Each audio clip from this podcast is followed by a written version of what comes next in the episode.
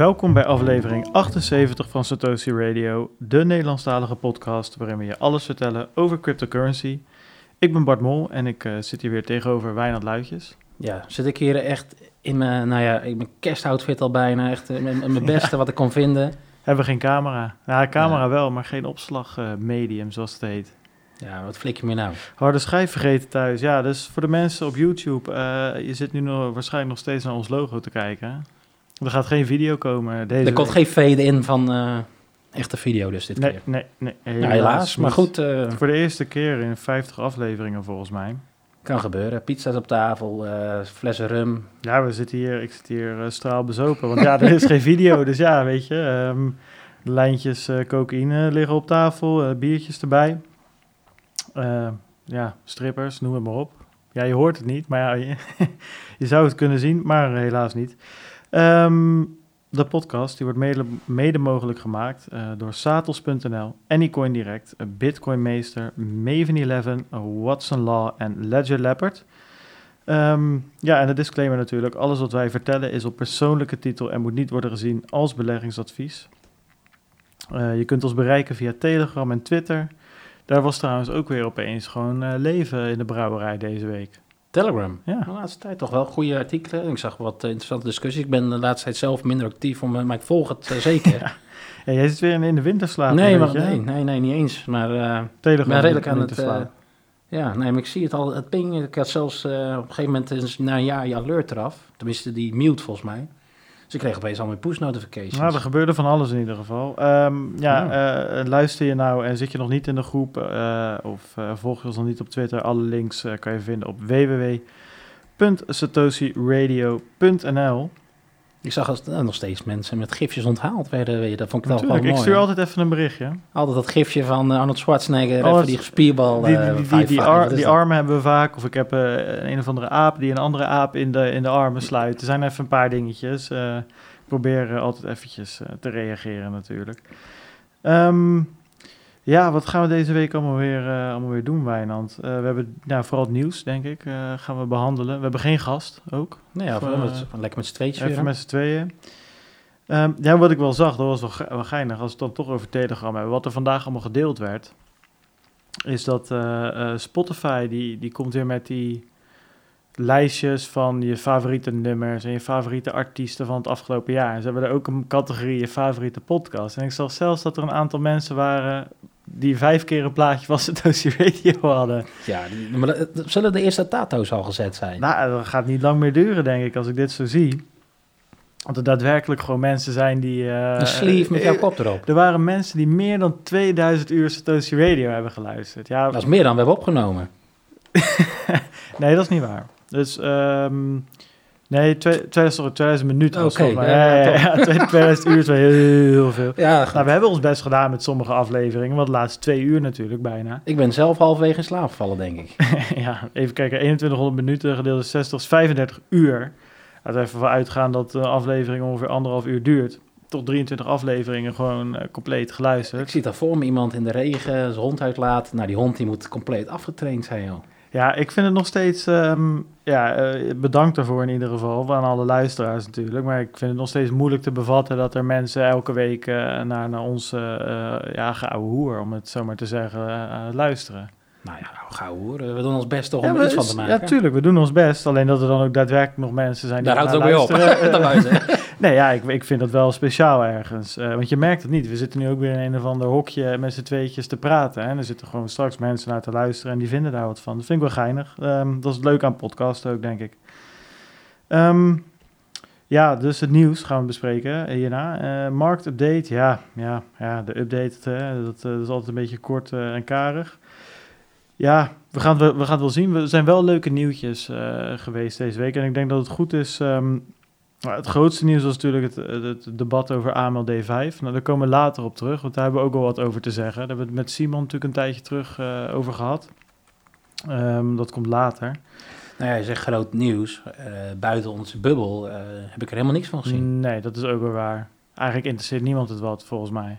Buiten de nou ja, daar bubbel. lijkt het op, hè. En ehm, Ja, misschien is dat helemaal niet zo gek. Want als je kijkt naar de instanties die er al onder vallen. Goed, er komen straks om verandert er in essentie niet veel. Nou, die AML D5, wat, er komen ook niet zoveel bedrijven bij, zeg maar. Ja, de, de Ja. crypto-bedrijven. Maar ja, dat interesseert natuurlijk ehm, ja, de meeste mensen niet zo heel veel. En dat is ook het lullige. Daardoor kan je ook niet echt een vuist maken tegen zo'n wet. En dan moet je een beetje leidzaam Nee, toezien hebt- totdat, er wat totdat die doorgevoerd Ja, wordt. je hebt niet zo'n krachtige lobbyvuist, hè? nee. Trouwens, over Spotify, eh, dat benoemde je. Het viel me pas op, was eh, nou, misschien al een paar weken terug, dat Spotify nu ook zo... Die hebben toch zo'n daily lijst of weekly lijst of whatever, met eh, wekelijks nieuwe muziek of de beste muziek. Ja, daar stonden wij ook tussen, Ja, we, ja, we stonden 1 tot en met 10 eh, bij de class, Classic Rock. Nee, maar eh, die doen ook, die gaat straks, of dat zijn ze mee bezig, podcast aanbevelen. Ook al zo'n kort lijstje. Misschien best Ja. wel grappig. Da- nou, wie weet. Ik denk niet dat we erin komen. Nee, dat gaat niet in zon, maar dan zie je dat podcasts ook bij Spotify meer centrale plek beginnen te krijgen. Nou, dat is ook, dat klopt, want die eh, beweging zag je al een tijdje terug. Want zij hebben volgens mij een half jaar terug voor best wel veel geld hebben ze een aantal, volgens mij, voor mij waren dat eh, een soort van productiebedrijven voor podcast. Hebben ze overgenomen. Maar gaan ze nu ook content creëren dan? Nou ja, blijkbaar een beetje hetzelfde wat Netflix eh, doet. Dus heel veel content op een platform en ook hun eigen content. Volgens mij waren het, volgens mij was het een productiebedrijf. Ja, eh voor mij het ging niet om super veel geld, om een paar miljoen of zo. Of niet super veel geld als je het hebt over dat soort tech-overnames, zeg maar. Maar die, die, die focussen zich er best wel op. En het is natuurlijk ook, ja, eh, waarom niet? Als je podcast en muziek in dezelfde app kan hebben. eh, je hebt een enorm publiek die je warm kan maken voor die podcast. Ja, het werkt natuurlijk als, als een trein, die eh, dat podcast. Of, Ja, we hebben, wel vaak, we hebben wel veel gezeik met die geluidskwaliteit gehad. En dat merk ik ook bij andere podcasts wel. Ik heb er laatst weer eentje geluisterd. Die stond, dan moest ik mijn autoradio echt bijna op ontploffen zetten om die man een beetje Gooi zij er nog meer compressie over? Ja, zij doen iets. Ik weet niet precies wat, maar het is niet altijd positief Hm. in ieder geval. In de settings van bij Spotify heb je natuurlijk ook per, bij speler zelf... dat je moet zeggen, wil je compressie ja of nee en al dat soort settings. En Ja, ja, ja. Misschien ligt dat daar wel aan. Ja, het zou, zomaar, eh, het zou zomaar kunnen. Ik zit er trouwens een biertje en koffie door elkaar heen te drinken. Ik voel me net zo'n eh, Lijkt wel een soort bruin café. ik voel me net zo'n junk die uppers en downers door elkaar heen zitten gebruiken. Ehm, maar ja, anders als het alleen maar bier is, dan eh, halen we het einde niet, denk ik. Nou ja, je doet hier net of de hele tafel vol staat. Nee, nee, gewoon een, bi- een biertje. Maar ja, weet je, ik, eh, het is een lange dag geweest. Laat het daarop houden. Ehm, ja, naar de AMLD, daar komen we straks, Ja. straks, eh, straks verder op. Ehm, jij had een nieuwtje gevonden op, eh, op Lekker Cryptisch natuurlijk. Onze grote vrienden, die hadden een stukje geschreven rondom ABN AMRO en geldautomaten. Ja, dan gaan we een hele hoop weg. Het was natuurlijk gewoon eh, in het algemene nieuws. Iets van 400, 500 van die apparaten die uit- het straatbeeld verdwijnen. Je ziet natuurlijk, eh, zeker in de steden, die plofkraken. Ehm, dat is natuurlijk, ja, de impact best groot. Hè? Ook tegenover mijn zusje een paar weken terug in Amsterdam. Of in het oude huis van mijn zusje. Ja, je, je- dat is niet normaal. De hele ramen zo gewoon uit het appartement geblazen. Ja. Dus dat is natuurlijk huge. En eh, de Bij zo'n plofkraak bedoel je? plofkraak, ja. ja. En je ziet op een gegeven moment ook zo'n brommen wegrijden. Ehm, Maar wat Met een berg cash. pakken ze, want een plofkraak is dat is met explosieven dan. ja, ik heb toen een keer opgezocht hoe ze dat nou doen eigenlijk. Want ik Dus heb ook doen dan- vaak zat gezien dat ze met een of andere tractor gewoon zo'n hele automaat eruit Hele- trekken. Nee, Nou, dus dat dat is misschien meer wat ze Nee, bij- nee, ze waar wij vandaan komen doen. Ze doen maar- met, volgens mij hoe het ging met een gestolen pas, doen ze een geldopname. Dan gaat Ja. op een gegeven moment, dan zeggen ze nou ik wil 20 euro pinnen. Ja. Dan komt zo'n briefje uit en dan gaat dat klepje open. ja, ja. En daar stoppen ze dan een hele dunne soort envelop in met een explosief. En dan ze de hele voorkant eraf. Maar goed, dat heb ik van horen zeggen. ja, ja, ja. Maar goed, er gaan een hele, hele hoop eh, ver- eh, van dat soort apparaten verwijderen. En eigenlijk die banken die hebben geldmaat. Hè, dat is zo'n geel logootje met een smileytje. Dat, dat gaan ze samenwerken. ja.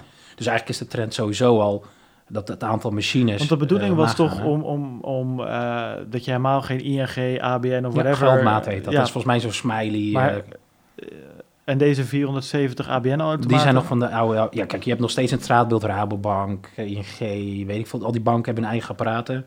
En die is met name vanuit historie. Maar Ik dacht dat die geldmaat in één keer gewoon dat er één actie zou zijn om al die oude Nee, apparaten... Ze, willen ze gewoon verminderen. En volgens mij, ja, de DNB, dat heb ik op Lekker Cryptisch ook gezien, helemaal een rapport. Ja, die website, ik weet niet wat er aan de hand is met de website van, eh, van ze, maar die ligt eruit. Ja, we in spreken geval- 5 december, 10 voor 7. Ze waarschijnlijk- Peter, ik ga maar eens even kijken in analytics wat er aan de hand is. dat is want we komen best. er niet meer op. Nee, maar goed, eh, dat maakt niet uit. We hebben hier de schermpjes natuurlijk klaarstaan. Je ziet sowieso een langere trend om het eh, omlaag te brengen. Eh, absoluut valt het wel mee, want je had in het verleden natuurlijk best wel veel bankapparaten bij elkaar. Maar goed, dat is leuk en aardig. Maar de, discussie die daar wordt gestart op, eh, op, op verschillende... Zelfs op, eh, wat is het, jo.nl of ja.nl is ook zo'n linkse eh, website. Natuurlijk lekker, is er vanuit geen stijl. Maar... Wat een linkse website vanuit. Waar Nee, heb je nou rechts, wat is het? Nee, links. Joop is links, Ja, is rechts. Ja, ja, maar die zit zit daar toch lekker te best op, Joop. elkaar. Ja, Ja. precies. Daar was ook, werd naartoe gelinkt volgens mij. Maar in ieder geval er komt opeens natuurlijk weer de, de war on cash. En daarom vind ik het toch best wel relevant om het eens even met z'n twee over te hebben. Ja, we hebben het wel vaker over, om denk ik, over onze eh, manier van betalen. Ehm, ja, is dit nou de war on cash?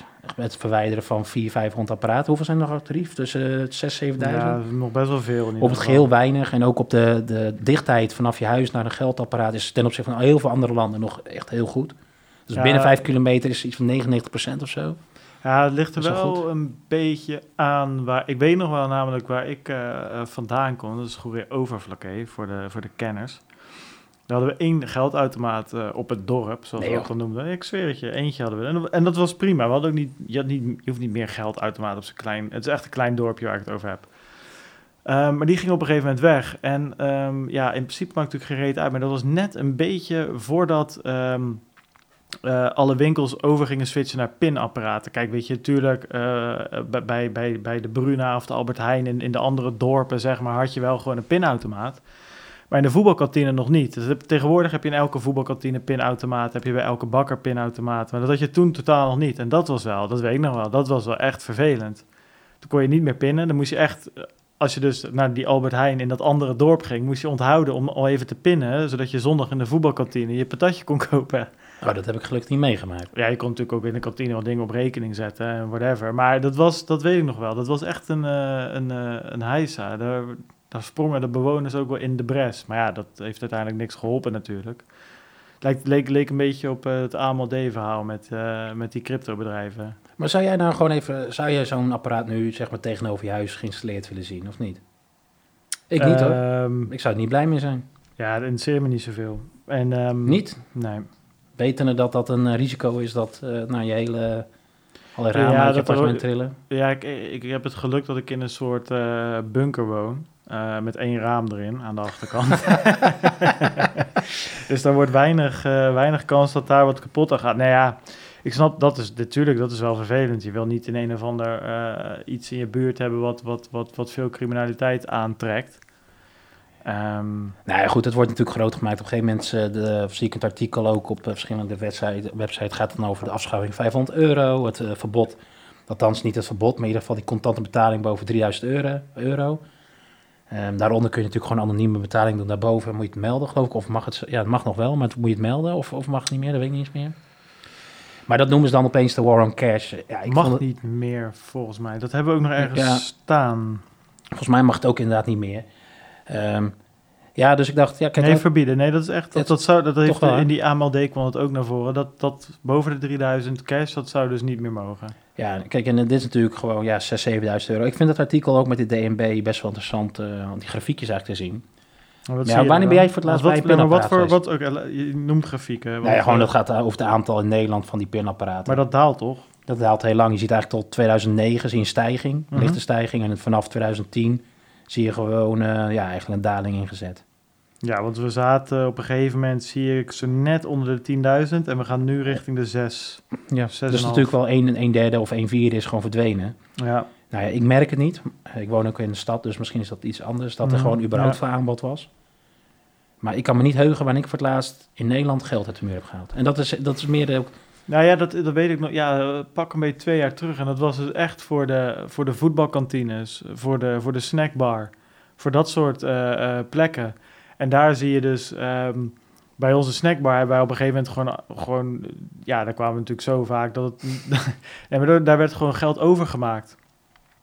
Dus eh, dat, eh, dat werd niet eens met tikkie gedaan. Maar dat Nee, ging gewoon zo snel niet. dat dat, Ja. ben, dat dat overgemaakt werd. Eh, voetbalkantines hebben nu allemaal gewoon een pinautomaatje. Ehm, dus of ze gaan naar pin, of met instant payments kan het direct overgemaakt worden. Kan iemand voordat hij de frikandellen, voordat die gaar zijn, ziet hij al of het geld op de rekening staat. Dus dat is ook geen reden om dat niet meer te doen. Dus er zijn zoveel andere mogelijkheden die gewoon makkelijker zijn dan cash. Als jij eh, eh, niet zwart werkt natuurlijk. Ehm, Ja, dus ja. Ja, ik- de discussie ik- gaat natuurlijk wat breder. op mijn verjaardag krijg ik ze nu en dan nog wat geld van iemand. Contant. Ja dat, ja, dat vraag ik me dan echt ook af wat ik daarmee moet eigenlijk. Dat ligt dan een beetje thuis. Dat ik ook geen zin heb om voor 30 of 40 euro naar een eh, bank te gaan. Om het, Nee, je betaalt te storten. Ja, betaalt kosten voor het storten. ja, dat, dat ook nog eens. Maar meer gewoon dat ik te- überhaupt te lui ben om daar, daar voor dat daarheen te gaan. Nou ja, maar dit is natuurlijk discussie, die hebben we ook wel vaker. Hè. Dus moet er, cash is enigszins anoniem, hè. Dus je haalt het van de bank en vervolgens is geen trace wat je ervan hebt gekocht. Nou, het is eh, he- helemaal dus met je- anoniem in principe. En met je pin is natuurlijk... Ja, nou, er zit, ja, er zitten natuurlijk wel unieke nummers op. Dus er moet wel een hele specialistische eh, agent achter. Bijvoorbeeld de FBI. Je, hebt, je zit toch gewoon... Elke, elk biljet heeft een uniek kenmerk. Je, in feite zou je kunnen traceren Precies. met de juiste middelen. Ja, oké. Ja, ik, zou, ik zou wel iets verder gaan dan redelijk anoniem. Zeer anoniem, iets in die richting. Maar Voor de normale ja, consument wel, in ieder geval. Ehm, maar ja, goed, ja, ik, ik, zie zelf, ik, vind, zelf- ik vind zelf de optie van cash moet altijd blijven. Maar ik vind het zelf, naar mijn eigen gedrag, ik, ik betaal niks met cash. En, maar ik snap wel, eh, mijn uitgaven in een, in een stabiele omgeving waar we nu zitten, misschien ook minder gevoelig zijn. Of weet ik veel, de Pilsvogel in Amsterdam, ik daar bier koop. Ja, het, het, het raakt me niet direct. Maar ja, er zijn natuurlijk wel, weet ik veel, doneer geld aan een moskee of een andere charity of weet ik veel wat Politieke partij. politieke partij, ja, dan wordt het toch, ja, politieke partij, ik weet niet of die überhaupt cash mogen aannemen hoor. Nee, ehm, maar dat is juist het punt natuurlijk. Zeg maar, eh, ja, oké, dus je, dat je sowieso geen andere mogelijkheid hebt, zeg je. Ja, kijk, weet je wat het punt een beetje is, volgens mij, is dat, zeg maar, mensen, eh, eh, het is veel makkelijker voor mensen om ehm, de impact van beslissingen te zien, of de voordelen of nadelen van beslissingen van acties te zien op korte termijn, toch? Ja, weet Tuurlijk. je, eh, lekker een zak chips leegvreten op de bank, daar heb je direct gewoon eh lekkere smaak van een zak chips Ja, op de ook bank. wel hè? snel spijt. Ehm, ja, maar, ja, ja, maar, het, maar het is, nou ja, het is meer van de, de, de, de echte nadelen. Ja, die merk je pas eh, jaren later. Of in ieder geval een paar maanden later. Als je opeens vatsig begint te worden. en, of jaren later als je opeens, weet ik veel, hoe noem je dat? Je cholesterol knijterhoog is. Weet je, die... De, nadelen van een ongezonde levensstijl, die merk je pas jaren later. Hetzelfde met roken, weet je. Je krijgt direct een, een, een nicotine rush. Ehm, terwijl de, de kanker, die, ja, weet je, daar moet je 10, 20 jaar voor roken en, en dan komt dat een keertje. En zo is dat met heel veel dingen. En, en dat gevoel heb ik hier. Het, ehm, is gewoon, ja, hetzelfde eh, deadlines op werk. Om nog maar een voorbeeld te noemen. Eh, eh, of, of als je een scriptie aan het schrijven bent of aan het studeren bent. Het is heel moeilijk om je te zetten tot iets wat in, op de korte termijn niet leuk is. Hè? Scriptie schrijven of studeren voor een toets. Maar wat je op de lange termijn misschien kennis op kan leveren over een goede baan of whatever. Dat, dat, dat, dat is heel moeilijk om die twee timeframes met elkaar te, eh, ehm, eh, te vergelijken en te kijken welke keuze je moet maken. En daarom nemen we vaak de makkelijke keuze en misschien ook wel de verkeerde keuze op de lange termijn. En dat gevoel heb ik hier ook een beetje. En ik doe daar zelf ook aan mee. Ik bedoel, ik ben geen eh, superhuman en misschien zie ik die theorie, en, maar mijn acties zijn nog precies het tegenovergestelde. Ik vind het ook makkelijker om met mijn NFC te betalen op de voetbal. In plaats van dat ik eerst vijf kilometer moet fietsen om ergens eh, geld uit de muur te trekken, om daarna naar de voetbal te gaan.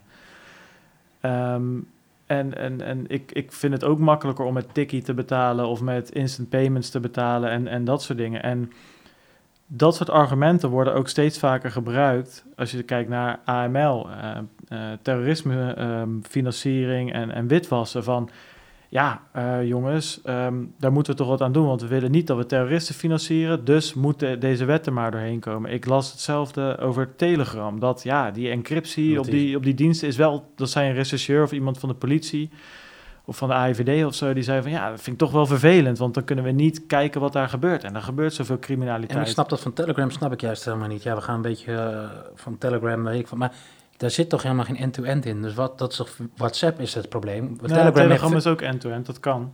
volgens mij heeft hij juist minder security. Het is veel meer... eh, Ja, en het, punt, het, punt is telkens dat er, dat er iets makkelijks aangehaald wordt eh, om, om, om, om een actie te rechtvaardigen waar iedereen altijd wel achter staat. Namelijk, chips is lekker, eh, tot aan terrorisme is, eh, is slecht.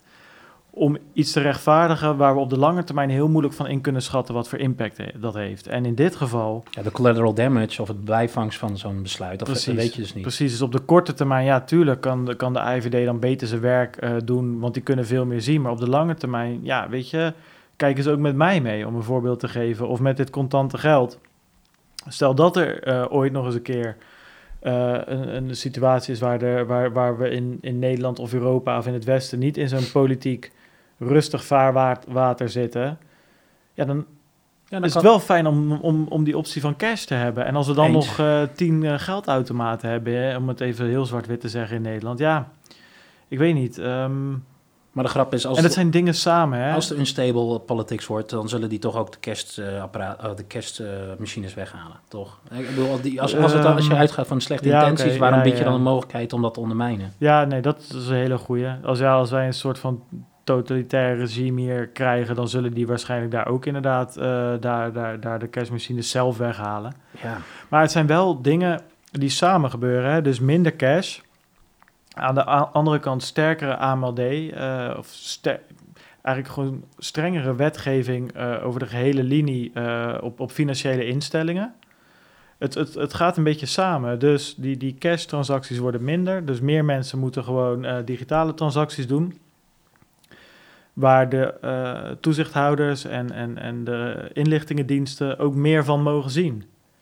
Ja, ja, ik vind het lastig. nou ja, goed, we gaan straks Ik- voor ik- ja, eh, bitcoin of voor cryptocurrency hetzelfde toch creëren, die eh, travel rule. Dus je gaat toch ga je dezelfde informatie mee moeten sturen. Dus Ja, maar dat, eh, of je het gaat, dat, dat rechtvaardigt niet per se of die regeling natuurlijk goed is. eens, maar dat zijn Ehm, natuurlijk de eerste stappen. Dus ja, Ja, ik vind het, ik, ik weet niet. Ik, ehm, ik- Ja, ethisch vind ik het belang van cashgeld heel, nog steeds heel belangrijk. En ik vind het heel belangrijk dat het op zich is. En alleen persoonlijk merk ik ook dat ik het in mijn consumentengedrag, hoe ik whatever consumeer, niet het belang zie om dat te verbergen. Omdat het mij niet per se, weet ik veel, die Chinees op de hoek, ja, whatever, weet je. Maar die Chinees op de hoek. Maar nou, nou, als ik dat, als ik daar pin, dus wat Oh, die, ja, die ja. transactie van 50 euro eh, aan, aan, aan Chinees BV ja, op tijdstip X. Ja, het bewijst dat ik daar ooit iets heb gekocht voor dat bedrag. Maar ja, of er nou lumpia's in zaten of eh, bakken bami. Ja, of in, de, de goederenstroom blijft, is, niet, is niet gekoppeld nog aan die transactie. Dus dat in instanties niet. Maar ik snap wel als het opeens eh, Charity BV en een, eh, een- inderdaad een, voorvechter is voor, eh, weet ik veel, een bepaald Ja. iets wat niet geliefd is. Ja, dan Ja. wordt het natuurlijk wel lastiger. Dan je ja, maar ja ik, ja, ik, ik, ja, ik weet niet, man. Ehm natuurlijk het argument van, ja, weet je, ik heb niks te verbergen, dus kijk maar. Ehm, Nee, dat, kijk, En dat is niet helemaal, ik ben eens, dat is niet helemaal wat je zegt. Eh, wat jij zegt is meer van de data die ze zien, daar kunnen ze niet zo heel veel mee. Dat geeft ze geen recht om, wat mij betreft, om het daadwerkelijk te gebruiken. Ehm, maar nee, maar ja, ik, ja, ik weet niet. Ik, ik denk, ik heb wel dingen te verbergen. Ik denk dat iedereen dingen te verbergen heeft. Ik denk namelijk dat, dat, dat met, met dit soort informatie ehm, of berichten die we aan elkaar sturen of dat soort dingen, weet je, eh, daar, daar kan je mensen, je kan mensen echt op, als je ziet hoe, daar hadden we het een tijdje terug over, die gozer met zijn Hitlergroet in het FC de Bosstadion. Op basis van één frame. Eén screenshot Ja, werd hij gewoon eh, kapot gemaakt. Moet je je voorstellen wat je met mijn complete berichthistorie kan. En by the way, met iedereen zijn berichthistorie. Dat kan ik, daar kan ik dingen uitplukken waar je iemand gewoon tot op de grond kapot mee kan maken. En waarom zou je dat doen? Ja, weet ik veel. Omdat het iemand is die eh, een politiek figuur Ja, waar tegen jij wat wil, of een bankier, of maakt als jij de politiek ingaat inderdaad, en ik zie dat je elke dag eh, bij, eh, weet ik veel, bij eh, Gal en Gal eh, 30 euro besteedt, ja, dan ga je dat opeens heel, is Bart alcoholist? Ja, je, dat- ik, ik, snap, ik snap wel de... Ik, ik weet niet, joh. Ik, ik vind dat, ik vind dat ehm, eh, gevaarlijk. Aan de andere kant, kijk, het lastige is met dit soort dingen, is dat ik zie best wel het, het, het gevaar, wat, wat, ja, of de, de, de nadelen van, van, van de samenleving, een beetje waar we in leven en hoe we met elkaar omgaan en waar we naartoe gaan met ook dit soort regelgeving. Maar het punt is, zeg maar, ik, je bent er zelf ook gewoon 30 jaar in opgegroeid. Weet je wel, ik ben zelf ook opgegroeid met het idee van: oké, weet je, je moet werken en als je thuis komt, dan moet je, eh, nou, dan ga je gewoon lekker consumeren en dan ga je dingetjes kopen. En nou, als je harder werkt, kun je meer spulletjes kopen en je moet een huis hebben, want dan kan je lekker in je eentje of met je familietje kan je in dat huis eh, chillen en een beetje op tv kijken en nog meer dingetjes eh, consumeren en kopen. En ja, dan kan ik nu wel allemaal zeggen dat het anders moet. Alleen ik zit daar, dat, dat is ook gewoon ingeprogrammeerd in mijn hoofd. Dus als ik de mogelijkheid krijg om eh, goedkoper of sneller dingetjes te kunnen kopen, dus bijvoorbeeld met NFC of whatever, in plaats van cash, dan sta ik ook vooraan de rij om dat, om dat op te geven. En, en dat, het, het vereist een behoorlijke, ten eerste, shift in je mindset. En ten tweede ook best wel een offer eh, om dingen op te geven. Dus als jij echt zegt, oké, die privacy, weet je, dat is mij echt wat waard, vind ik echt belangrijk. Ja, dan, dan, dan moet je dus er dingen op gaan geven die in principe jouw jouw eh, levenskwaliteit weer omlaag halen. Ja, maar denk gewoon aan het simpel. Je koopt een boek bij bol.com. Ja, dan moet je dus cash halen. Dan moet je naar de Bruna. Ja, al die stappen. Ik, eh, wil hem uit, ik ja. wil hem uit mijn brievenbus halen. En, Precies. en dan kies ik ook voor dat, nou, waarschijnlijk... Ik, ga- ja, enigszins zou ik er... Maar ja, wat ik al zeg, mijn gedrag nu in, in deze stabiele omgeving... eh, geeft mij geen aanleiding om iets te verbergen. Geeft ze nog steeds geen recht om het te gebruiken. Dat Nee. vind ik wel belangrijk. Maar om nou, dit, nou, om nou de- war on cash te hele, ik weet het niet.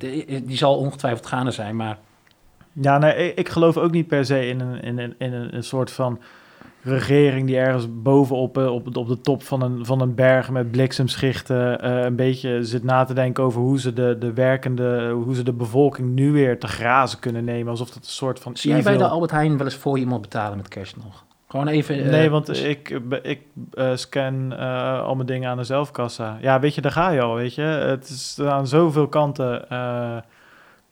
ik kan meer argumenten bedenken waarom ik het eigenlijk niet zou doen, maar het is sneller en makkelijker voor mij. nou ja, je. precies- En- ja, precies. Maar ik, ik, ik zit gewoon gaan denken, zie ik nog wel eens mensen ook in een kroeg met cash betalen? Dat is ook pas erop, telefoon erop, telefoon, eh, horloge tegenaan. Nee, maar dat is het ding. Dus ik, kijk, het is, het is niet eens voor, voor mij per se de overheid die daar met, met, met, met, met hun evil, kwade bedoelingen daar al het cash weghaalt of zo. Het is ook gewoon, ja, de, de, de ehm, ja, hoe noem je dat? De, de, de overheid samen met de bedrijven. Het is gewoon de hele industrie, zeg maar, waar we in zitten, die dat gewoon eh, pusht. En ja, wij, om heel eerlijk te zijn, vreten dat gewoon als makke lammetjes, zonder inderdaad na te denken over wat dat als... Ja, in principe hebben we zelf, tenminste de techbedrijven of de payment-industrie, zelf deze situatie gecreëerd. Dat de overheid er mee gebruik van kan maken. Nee, Want daarvoor zeker. was het er niet. Precies, alleen daar ben ik geen onderdeel van. Nee, weet je, ja, ik, oké. ik ga er gewoon als een, als, een, als een schaap achteraan, want ja, weet je, het levert mij op de korte termijn wat dingetjes op. En ehm,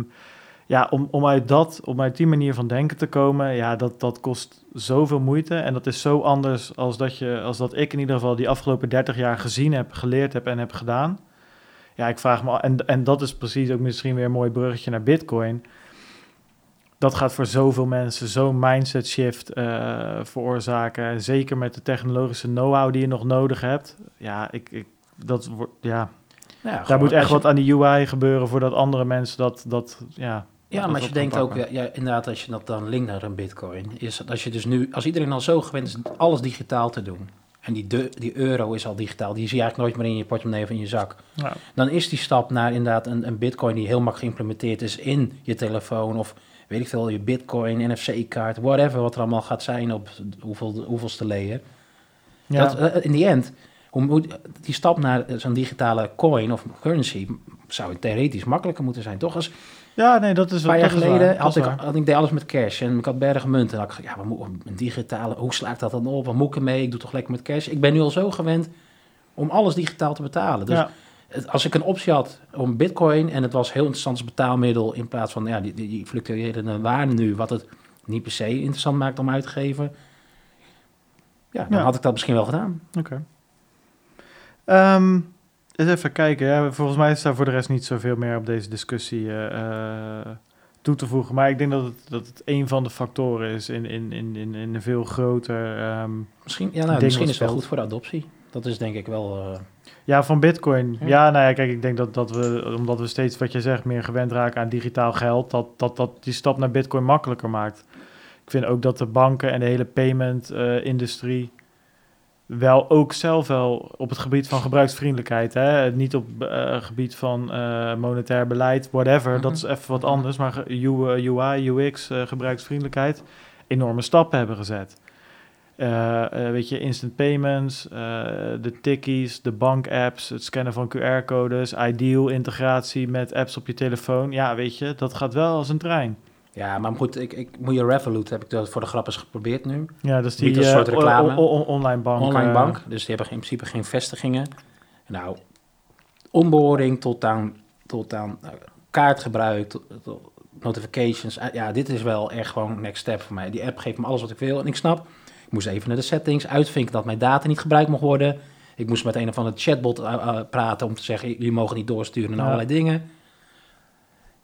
Ja, de gemiddelde consument gaat waarschijnlijk die settings niet door. Dus, maar ja, het is wel echt... eh, Nou ja, precies. Maar dat is, en dan hebben we het en- even, en ervaring van eh, een dikke tien, hoor.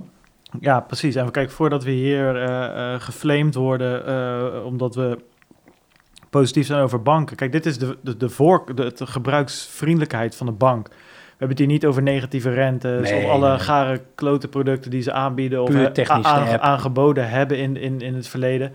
Weet je, dat hele monetaire beleid, eh, dat hebben we met Bert en Peter van Lekker Cryptos ook vaak al besproken. Er zijn zat dingen op aan te merken. Tuurlijk.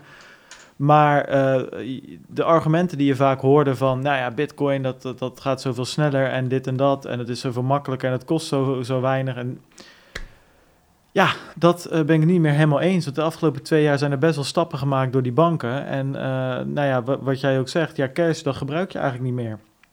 En dat is niet eens per se omdat de overheid eh, ehm, al die regels implementeert. Dat is eigenlijk vooral omdat het gebruiksvriendelijkheid van de alternatieven, de digitale alternatieven, zoveel omhoog is gegaan dat het daadwerkelijk moeite kost om cash te gebruiken ten opzichte van de bank-app of je pinpas of je Apple Pay. Sommige winkels accepteren het niet eens meer. Nee, ja, precies. Dus ehm, Maar goed, anyway, ehm, nou ja, eh, dat was eh, meer wat er in Nederland en in het Westen gebeurt.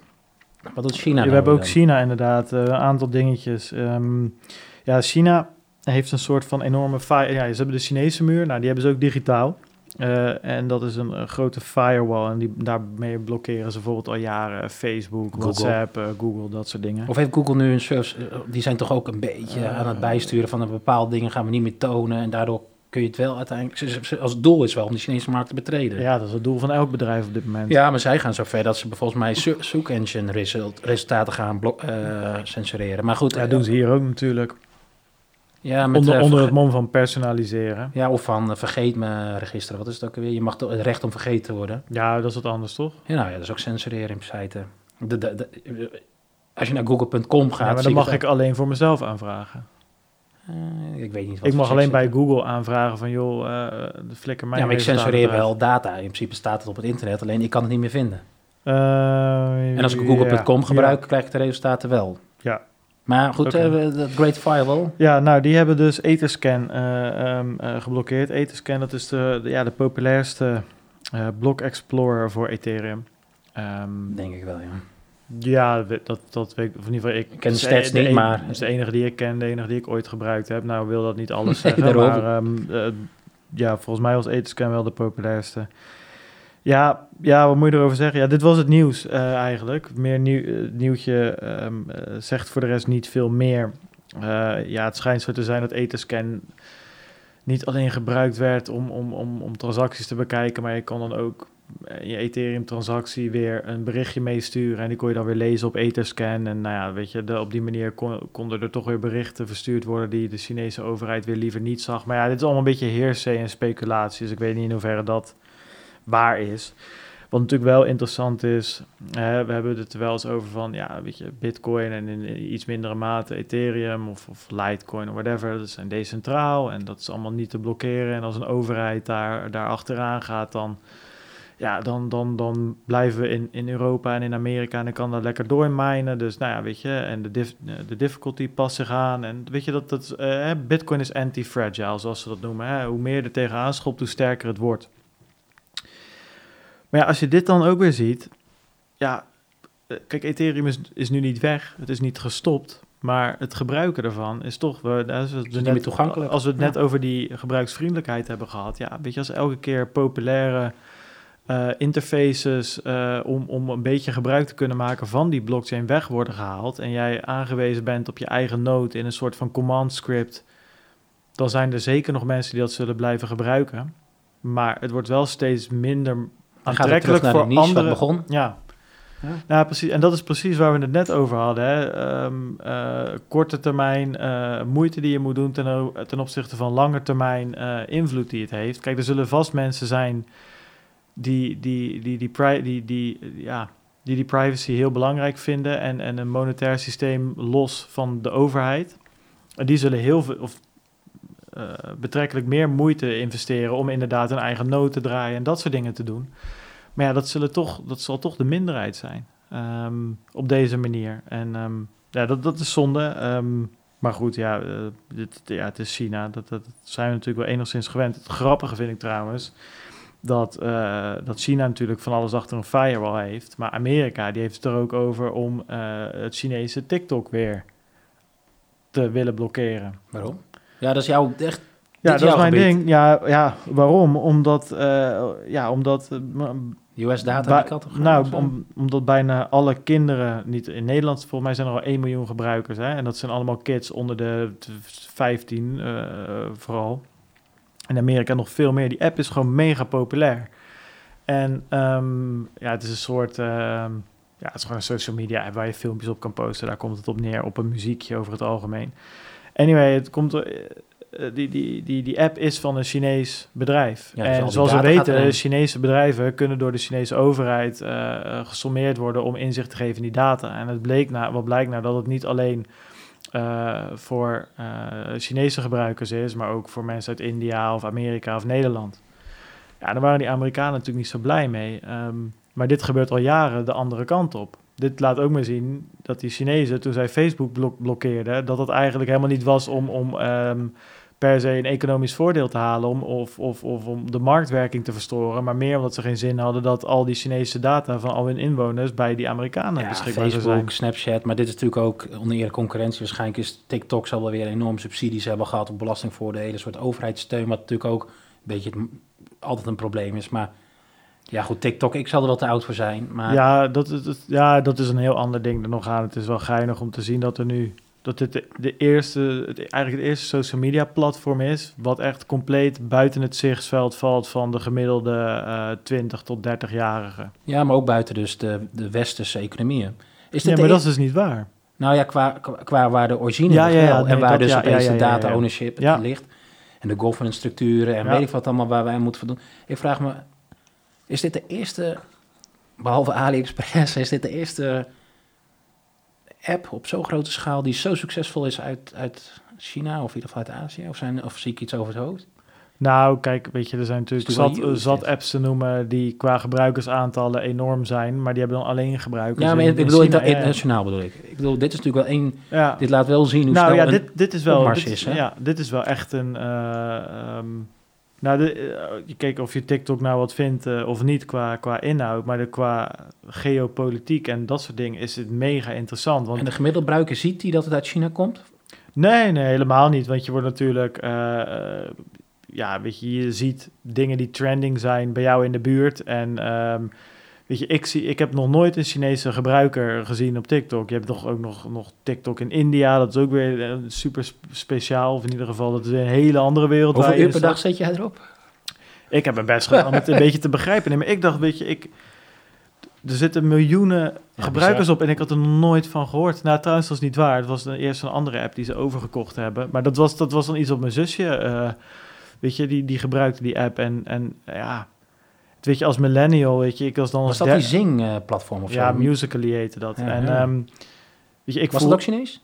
eh, ja, dat was voor mij ook Chinees. Nou, het is in ieder geval uiteindelijk overgekocht door voor mij ByteDance. eh ByteDance heet dat bedrijf. Hm, Maar ik voel me toch, weet je, als 30-jarige millennial toch altijd nog een soort van hip en jong en zo. En nu zijn er gewoon social media platforms waar je gewoon totaal geen weet van hebt. En, ehm, dat je- ja, en, dan, en dan merk je ook wel, ja, weet je, nu, nu begin je zelf een beetje de oude, de oude lul wat dat betreft te worden. Dus dat is best interessant om te volgen. En buiten dat, het is gewoon, ja, weet je, die, die, die, Ameri- die strijd van de Amerikanen tegen China.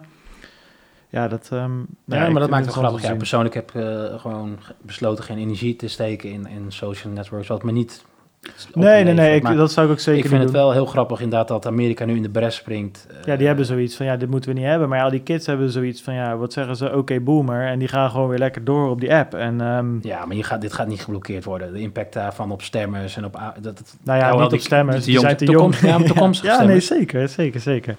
Hey, ehm, als we het toch over Ethereum hebben. ehm, er was nog, eh, nog een andere Ethereum developer, Virgil Griffith. Die, ja, die is naar Noord-Korea vertrokken. Terwijl hij daar geen toestemming eh, voor had. Nou ja, misschien wel toestemming om naar Noord-Korea te vertrekken. Maar niet om daar een presentatie te geven rondom Ethereum. Dat heeft hij wel gedaan. nou, hij heeft op een gegeven moment, tenminste wat ik las, dat hij aanvraagt van mag ik erheen om dit te doen? Dat nadrukkelijk nee is gezegd. Nee, hè? precies. Maar dat, misschien als hij daarna had gevraagd, mag ik erheen zonder dit te doen? Ja, dat, dat weten we niet of dat wel of niet mocht. Maar hij ging daarover eh, Ethereum eh, vertellen en een presentatie geven genaamd Blockchain and Peace. En ehm, ja, daar is hij dus bij terugkomst opgepakt in eh, Los Angeles volgens mij. En eh, ja, het, ja het- wat, wat is dit? Ja, je mag gewoon niet zoveel doen in, ehm, in, in, in Noord-Korea als jij Amerikaan of Europeaan of whatever bent. Er zijn allemaal sancties, zelfs als dat je niet eh, dit soort dingen waarschijnlijk mag doen, weet ik, in Irak of zo. Je, dat, dat zijn toch sancties? Ja, Irak staat er niet op, maar je hebt meerdere landen op de sanctionlijst van de OFAC inderdaad. Wat dan nog meer? Somalië of zo? Noord-Korea, ja, een Afrikaanse landen. Iran waarschijnlijk nog. Ja, Iran dan in dit geval. Nou, anyway, hij mocht dit niet doen. Hij heeft het wel gedaan. Er was best wel veel mensen zijn er over hem heen eh, eh, gevallen. Of hij heeft eigenlijk gewoon uit staan leggen wat, wat, wat, wat Ethereum is, wat cryptocurrency is, wat de voordelen ervan zijn. En, en hoe je dus bijvoorbeeld geld uit Noord-Korea naar, ehm, of nou ja, Ethereum, dus geen geld, maar iets van waarde vanuit Noord-Korea naar bijvoorbeeld Zuid-Korea kan krijgen. Ja, en dat is dus precies waar de schoen wringt natuurlijk. Hij gaat daar advies geven hoe je dus sanctions kunt ontlopen via het Ethereum-netwerk. Ja. ja. nou dan kan ik wel snappen dat eh, bij terugkomst dat je niet vriendelijk wordt onthaald door een stewardess, maar dat daar een busje met eh, FBI-agenten staan te wachten bij. Ja, verkeerde. ja, Ja. echt hoor. Ja, nee, maar dit is natuurlijk ook... Ik weet niet of die... Waarom die dan... Stel, dat het gewoon waar is, precies wat er staat. Dus hij, het is verboden om te gaan. Hij stapt toch in. Ja, dat is ook heel naïef, toch? Ja, het is heel stom, maar het past wel een beetje in die, in die, in die blockchain cryptocurrency gedachte. Die zeker de core developers van bijvoorbeeld Bitcoin, maar ik denk ook een Vitalik eh, bij Ethereum wel hebben. En dat is, ja, nou ja, fijn dat de overheid dat soort sanctielijsten en dingen verzint, maar daar zijn wij het niet mee eens. En wij willen gewoon, eh, eh, ja, een, een, een, een, een, een currency hebben of een manier om gewoon wereldwijd zonder sancties Ja, eh, aan de slag te kunnen. of weet ik veel, de van Bitcoin zouden ook, staan ook niet achter dat waarschijnlijk de Bitcoin wordt gebruikt voor het financieren van terrorisme. Los daarvan of het gebeurt en hoe groot het nu is. Ja, ik denk dat Vitalik daar best wel een genuanceerde mening over zou kunnen hebben. Maar inderdaad, ja, ze, nee, ja, ja. Nou, ik vind het eh uiterst naïef eh, dat je toch instapt. Hey, ik had hier een screenshot geplaatst trouwens. Heb jij die eruit ge nee, ik zie hem gesmeten? ook niet, maar eh, van die zag van die Vitalik, ja, nee, die is eh. Ja, nou, ja dat, ja, dat vind ik toch nog wel interessant om toch wel te noemen. Want, Zal ik eens kijken of ik met... ja, ik ga even kijken of we die eh, terug kunnen vinden. Ik zal in ieder geval die link van, eh, die we hier hebben staan even openen. Nou, hij zei, kijk, Ik zit te hij- ctrl zetten, maar ik, ik zie niks gebeuren. Maar goed, Ja, hij zei in ieder geval, joh, ik ga die, die gozer, die Virgil, die ga ik niet onder de bus schoppen, want dat vind ik te makkelijk. Daarnaast is, is hij een vriend van mij, dus ik ben ook enigszins Biased. biased. Dat zei hij er ook bij. En, en, en het kwam er ook een beetje op neer dat, eh, ehm, ja, dat, dat we elkaar gewoon dingen moeten, moeten, moeten, ehm, moeten leren. En dat het een virtue is om dat te kunnen, om dat te kunnen doen. En, en ergens ik zat, eh, het zette mij wel aan het denken. Want natuurlijk, ik snap ook wel eh, sanctielijsten en Noord-Korea. Maar toen dacht ik, ja, van waarvoor, als iemand aan mij zou vragen van... oké, wat vind je van Noord-Korea? Ja, dan roept dat bij mij ook een negatieve herinnering of whatever op. ja, dat komt omdat ze zo eh, zijn opgevoed, eh, Nee, ja. Zuid-Korea binnenvallen en eh, ja, dat soort dingen natuurlijk. Ja, precies. Kijk, er wordt dan, eh, weet je, het is bij mij ook van, nou, het is een dictatuur en je hebt die, je hebt die gozer die daar de baas is, weet je wel. Die, die, die, die wordt ook altijd, die wordt voor gek gezet altijd, dat weet ik ervan. En hele wijde broeken. hele wijde broeken, heel raar kapsel. nou, en, en, maar wat weet ik er nog meer van? Toen zat ik te denken, oké, dit is wat ik dan wat ik weet. Het is wel gevaarlijk wat we net deden, hè? Thuis staat er waarschijnlijk eh, Ja, een busje eh, met gebleerde raam op je te wachten. Ja, nou ja, dat, is, dat, dat zal ik het nu nog proberen goed te maken. Nee, maar dat is het enige wat ik ervan weet. En waarom? Ja, omdat ik dat altijd op het nieuws gezien heb. Want dat is wat, wat, wat wij ge- worden. geleerd hebben. En ergens vind ik er dan, het dan wel mooi dat je daar heen gaat en gewoon die mensen hun verhaal aan wil horen en niet uitgaat van het slechte in de mens. Tuurlijk is het naïef en ik zou het ook niet doen omdat ik weet dat ik bij thuiskomst gewoon direct opgepakt word en de bak in kan draaien. Dat vind ik het nou ook niet waard. Aan de andere kant, als jij zo heel idealistisch denkt en echt denkt van dat, dat de wereld open moet zijn voor iedereen en dat je dat met Ethereum gaat bereiken, dan past dit wel in de lijn, dan past deze actie wel in, bij, bij, die, bij, die, eh, bij die manier van denken. Ja, maar ten eerste, wat gaat Virtual daar nou verte- vertellen wat zij niet weten? De Noord-Korea wordt met de Lizard Group en weet ik, of eh, weet je, al die groepen, Lizard Lizard, Squad. Squad gelieerd aan weet ik hoeveel hacks. Ik snap het. Noord-Korea? Hm? Kwam de Lizard Squad uit wel, Noord-Korea? Die hebben wel. toen nog een keer het PlayStation-netwerk op kerst eh, platgelegd. Ja, dat weet ik nog wel. Sony-netwerk, want die, door die film die ze uitbrachten. had ik net van, een PlayStation gekocht. Toen kon ik niet gamen. Nou, dat weet ik nog wel met de Lizard Squad. Hoor. Dat was echt een dingetje. eh, ja, dat was die. Kim Jong-il film of zo. Die was best wel grappig trouwens. Maar die werd, eh, die werd, daardoor gingen ze het aanvallen. Ik weet niet meer precies wie. Die, die gast, eh, Seth eh, Rogen zit daarin. Ja, in die film bedoel je. Ja, Ja, ik ben ja. geen, eh ja, geen, goed, geen dus- Ja, waarom denk je dat die gasten uitleg nodig hebben hoe Ethereum werkt of hoe je sanctions ontloopt? Ze doen niet. Ik ga er even vanuit dat ze niet daar niet. Dus waarom gaat Virtual erheen? Wat? Nou ja, daarom, dat is ook iets wat Vitalik zegt. Van ja, weet je, al die dingen die hij verteld heeft, die zijn openbaar beschikbaar. Dus wat is het probleem, weet je wel? Ik bedoel, hij gaat gewoon uit van het goede van de mens en hij gaat daar hun verhaal aan horen. En hij gaat niet uit van hetgeen wat hem 30 jaar lang met de paplepel is ingegoten, dat alle Noord-Koreanen slecht zijn. Ja, maar ik denk Ja. ook als ik een groep stukken doorschuit uitleg eh, hoe je actief moet witwassen, dat eh, de Belastingdienst ook wel even een keertje bij mij business Ja, maar dat zegt, is toch niet wat per se wat aan hij gedaan heeft?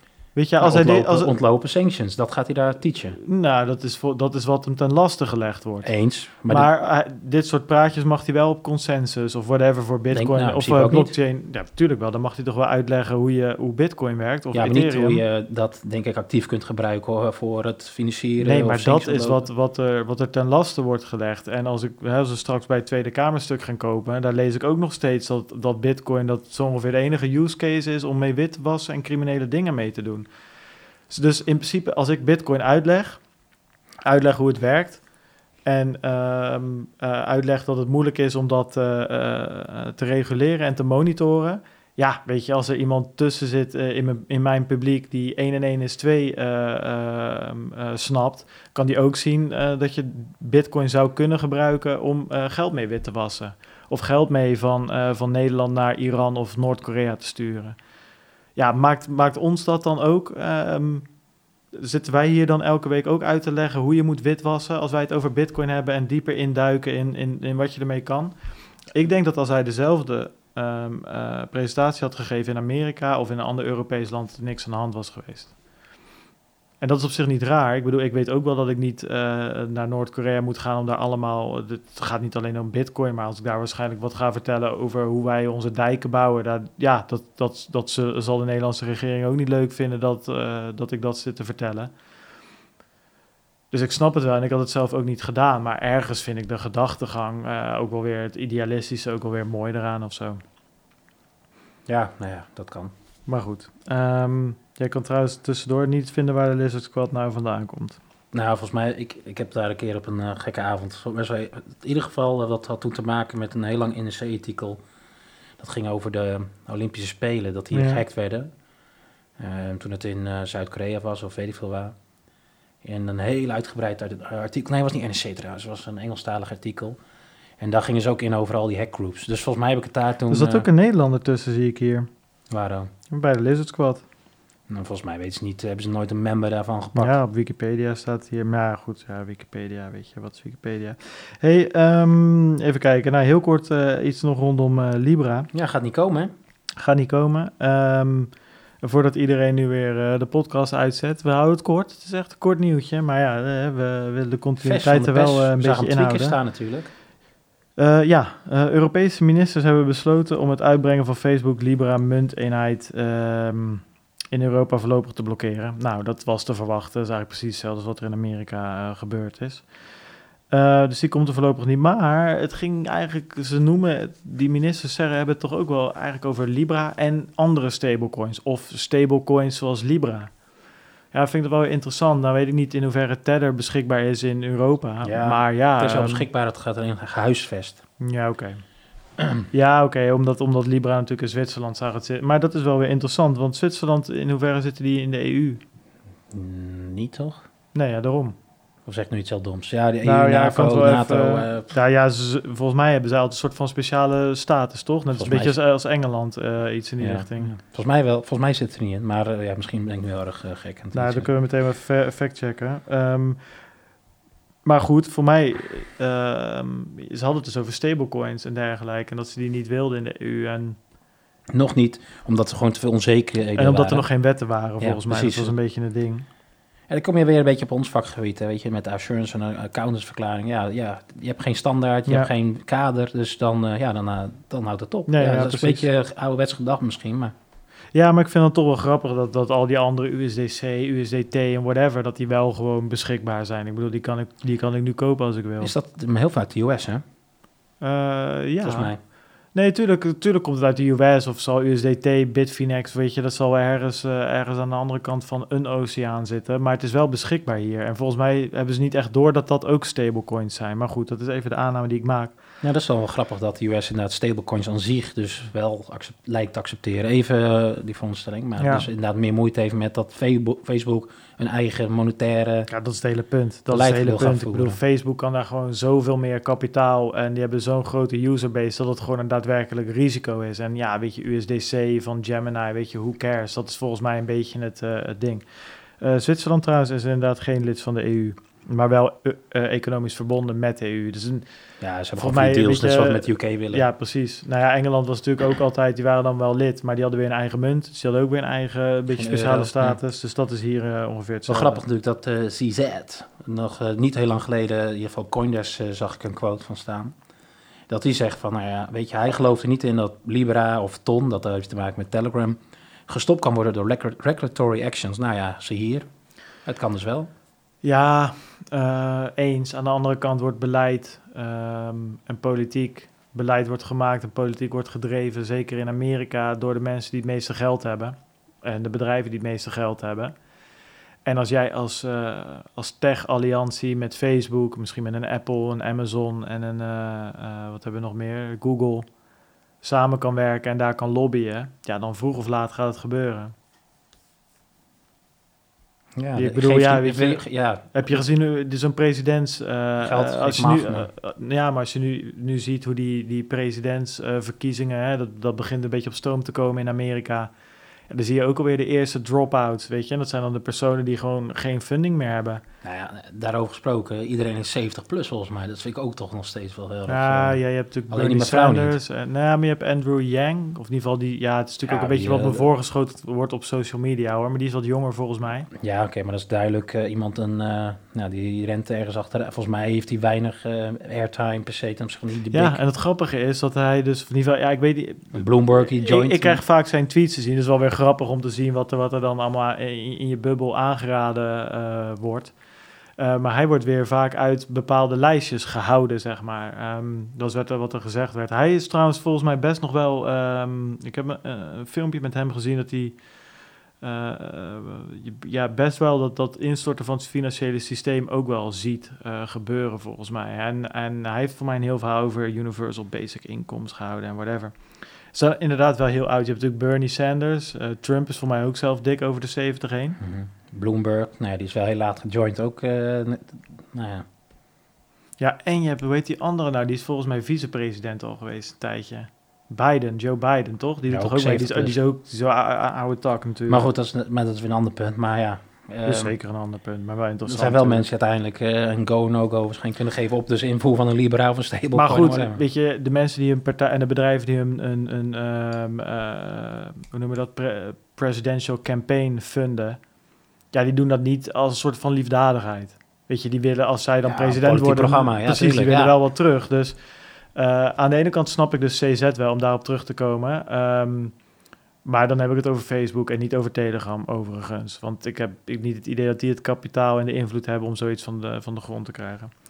Moet ik zeggen, als je natuurlijk wel weer bij een overheid aan het monetaire beleid gaat zitten, dan vraag ik me inderdaad ook weer af of dat sowieso iets is wat uit handen gegeven gaat worden. Ehm, hey, ik wil nog even de marktupdate eh, behandelen.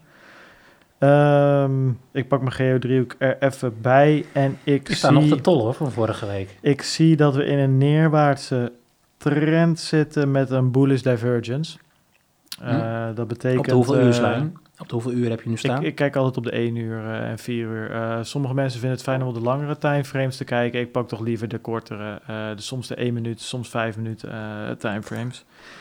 Ehm, ja, en daar, zitten we nu toch op een resistance. Eh, als we daar uitbreken, ehm de 64% kans dat het lukt. Eh, dan gaan we dus omhoog, eh, waar we de eerste resistance zo rond de 8000 tegen gaan komen. En hoeveel eh, graden is dat, zeg maar, als je de geodriehoek erbij Als pakt? de geodriehoek er echt op zou leggen, zou het 19 graden zijn. Maar misschien 20. Oeh. Eh, en dan, ja, we kunnen ook omlaag. Hè, 34% kans dat we omlaag gaan. Dat gebeurt vaker als je deze triangle eh, afleest. Ehm, maar ja, dan, dan weet ik niet waar we terechtkomen. We kunnen omhoog en omlaag.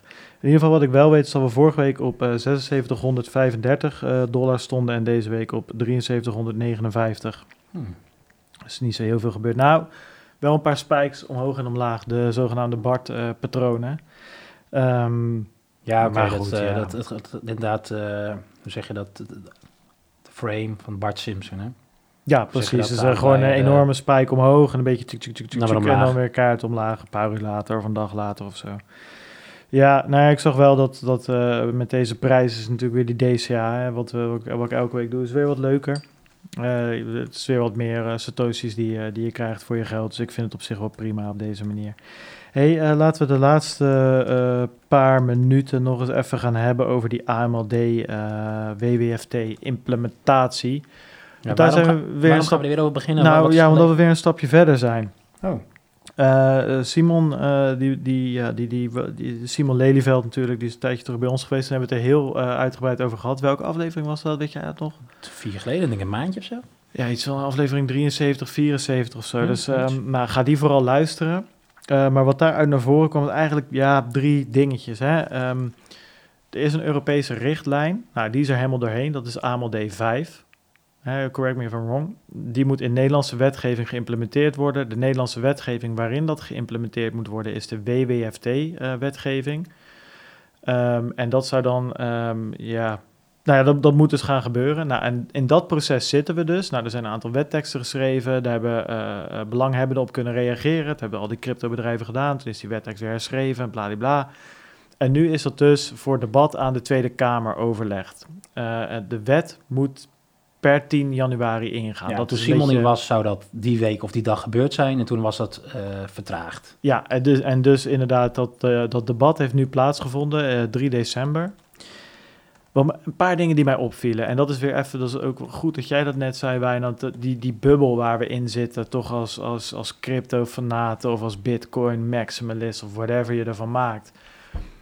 Als je dan die Tweede Kamer ziet, om een uurtje of negen s'avonds op een maandagavond, waar geen, werkelijk geen hond meer zit, waar de tribunes leeg zijn, weet je, waar mensen nog Ja, er zeker geen geluidsfragment staan van Nee. helemaal stil op zo'n weiland een uil die je af en toe hoort. Oeh, of een Eh, duif. Wat is dat? Wat is nee, dat zo? nee, nee, Dan moet ik eens even kijken. Ik zal eens kijken, of ik, ik zal eens kijken, ja, kijken of ik wat nieuwe geluidsfragmenten erop kan zetten. Maar ja, er zat geen hond, weet je. En ehm, ehm, Ja, wat, was wat, wat is geen hond? Vijf man, tien man? ja, eh, weet ik veel. Er zat, er, zat nog wat, weet je wel, van een bepaalde fracties. En de minister was er natuurlijk, omdat hij erbij moest zijn. Maar bijvoorbeeld de minister van Justitie was er dus al niet. eh, terwijl het ook nog wel interessant voor hem was. Ja, eh, er zaten gewoon niet zoveel mensen in die Tweede Kamer. En het, het was het laatste debat van de dag. En dat gaf gewoon ook een beetje aan dat...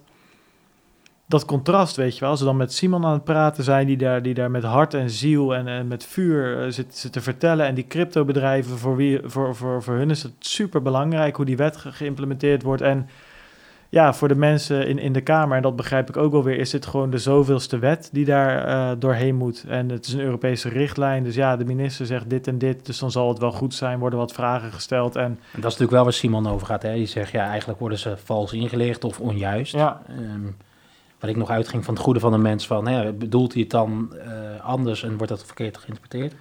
Nou ja, precies dat. En ehm, ja, en ja, ik heb even de conclusie alvast aan het begin. Ik denk niet dat dit, eh, ehm, dat er heel, ja, dat, dat, dat, hier, dat dit tegengehouden gaat worden in de Kamer nu. Weet je, er wordt gestemd over de moties, volgens mij volgende week dinsdag, dus dat is 10 december. Dus dan zullen we het zeker weer Kan behandelen er nog wat week. gebeuren nu? Want de vragen Nou zijn ja, vragen- er, er moet dus gestemd worden. Maar ja, weet je, wat, wat ga je doen? Ga je die Europese...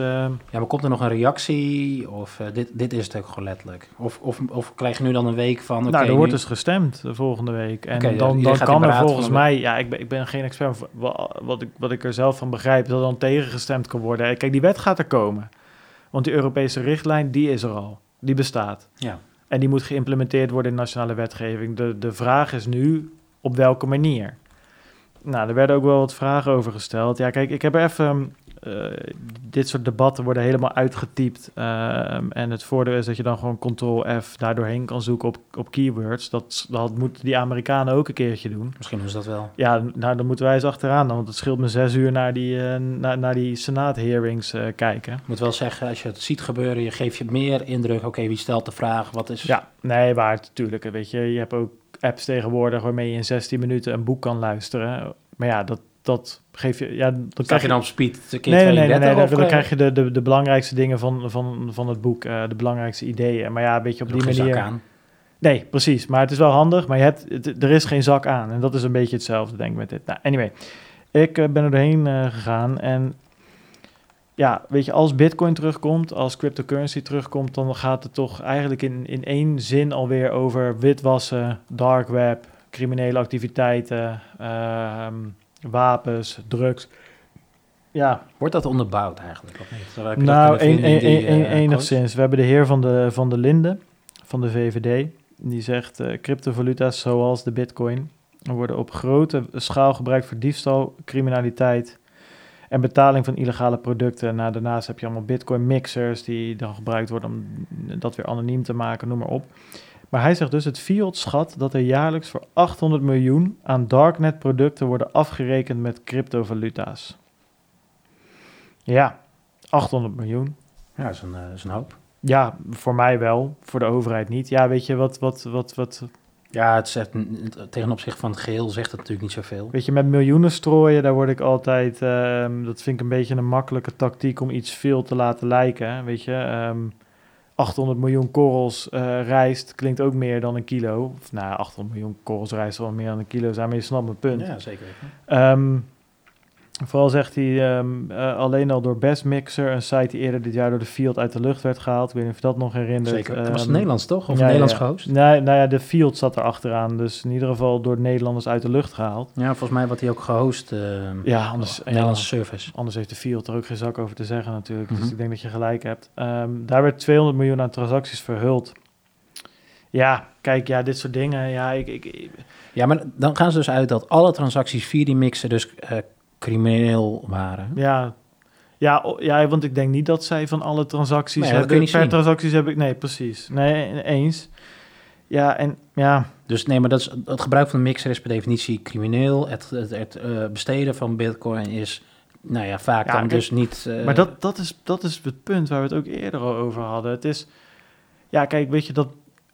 eh, ja, ik, ik hou niet zo van wapens. En ik vind niet zo fijn als er wapens, eh, wapens eh, verkocht worden. Weet je, en zeker niet illegaal. Zeker niet zonder vergunning en, en whatever allemaal voor, voor, voor dingen we daarvoor verzonnen hebben. Maar dat vind ik met, met, met euro's vind ik dat eh, vervelend. Met bitcoin, al, joh, al, al handelt iemand, al ruilt iemand aardappels voor illegale vuurwapens, vind ik het ook vervelend. Ik wil die shit gewoon niet, weet je wel. Zeker als je kijkt wat er in andere landen kan gebeuren als je, dat, als, als, als je daar minder streng op bent. Dus dat vind ik prima. Alleen om dat argument dan te gebruiken van, joh, jij vindt illegale wapens vind je toch ook zo vervelend? Ja, jongen, dan moeten we toch eh, overal maar mee kunnen kijken. En dat vind ik zo'n leap, zo'n enorme sprong om te maken. Weet je, dus je, je, je, je werpt een argument op waar je het onmogelijk mee eh, oneens kan zijn. Ben je voor, ben je voor kinderporno, bijvoorbeeld? Nee, nee, nou oké, dan kan je hier ook niet tegen zijn. maar je? het is niet zozeer... Ja, meekijken. Dat, dat impliceert een beetje dat dus de overheid actief op elke transactie meekijkt. Volgens Nee, mij is nee, het nee, meer, dat- er is dus, je moet dus een broker of in ieder geval een wisselstelling, whatever, moet mo- transacties monitoren Ja. in de instantie zelf en moet verdachte transacties melden. En daar zijn bepaalde indicatoren voor, dus Ja. bepaalde thresholds of weet ik veel, je koopt per dag eh, van een bepaald adres heel veel. En, hè, dat kun je gewoon zelf bedenken.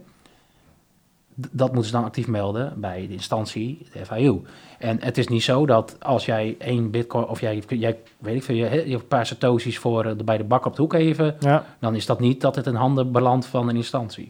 Nee, oké, nee, dat, nee, dat is waar. Dat is een goede, een goede nuance. Alleen ik vind toch ehm, dit soort argumentatie, dus een argument opwerpen waar je het niet mee oneens kan zijn om je punt te maken, vind ik altijd een, een, een, een tactiek, die, geen die, ja, een tactiek die heel effectief is Ja. over het algemeen. eh, omdat je iemand heel makkelijk eh, als een soort monster weg kan zetten. eh, en plein publiek, om het zo maar te zeggen. Maar wat eigenlijk gewoon een drogreden is. En, en, en dat is dus met terrorisme is, is zo'n ding. kinderporno is er nog eentje. Weet je, tuurlijk is dat vreselijk. Alleen dat wil niet zeggen dat ik al mijn privacy op, op moet geven... zodat jij één eh, pedofiel ergens op kan sporen.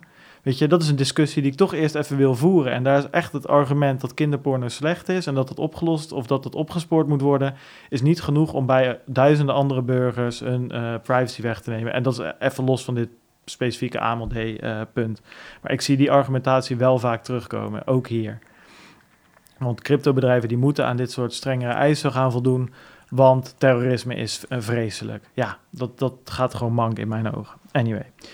Want wat was nou het probleem? Laten we even teruggaan naar wat Simon ons vertelde. De conclusie die we toen hadden is een aantal dingen. Het wetsvoorstel die bevatte strengere eisen dan de richtlijn. Het wetsvoorstel eh, bevat eh, een van de richtlijn afwijkende norm rondom bedrijfsvoering. Daar hebben we het toen ook over gehad. En het wetsvoorstel introduceert tegen eh, het advies van de Raad van State een vergunningstelsel onder de vlag van de registratieplicht. Dat waren toen een beetje de dingen waar we het over gehad hebben. Hè, er kwamen allemaal passages vanuit de WFT, een, een st- een strengere financiële wet, kwamen terug in deze zogenaamd lichtere vorm, de WWFT. Dat was het probleem. Even kijken hoor, Eh, zijn er nog meer dingen eh, gezegd die interessant waren? Ehm, het ging over op een gegeven moment custodial wallets, non-custodial wallets. Had eh, meneer Alkaya van het SP, die had nog wel wat aardige eh, vragen, of in ieder geval die stelde nog wat kritische vragen aan de minister van Financiën, eh, Wopke Hoekstra. Bijvoorbeeld dat hij zegt van nou, het is goed dat er naar witwassen gekeken wordt, het is goed dat er gemonitord wordt op terrorisme, financiering, dat soort dingen. Maar ik kan ook nog een contante betaling doen van eh 250 euro of 700 euro of, of 1200 euro. Pas vanaf 3000 euro mag dat niet meer. Hè? Of moet zo'n bedrijf dat, eh, daar iets mee gaan doen? Waarom is die grens er niet bij digitale eh, currencies? Waarvoor mag ik niet voor 50? Waarvoor moet een, een cryptocurrency bedrijf ook bij 50 euro al keihard aan de slag? Nou, en dat eh, ja, wordt eigenlijk geen antwoord op, op gegeven. Dat is natuurlijk ook scheef. Ja, dus dat, dat, dat vond ik een goeie. Voor de rest heeft hij het ook over die vergunning versus registratie. Nou, daar komt de minister wel even op terug, maar ook ja, niet echt. Wat de minister zegt op een gegeven moment, eh, ik citeer...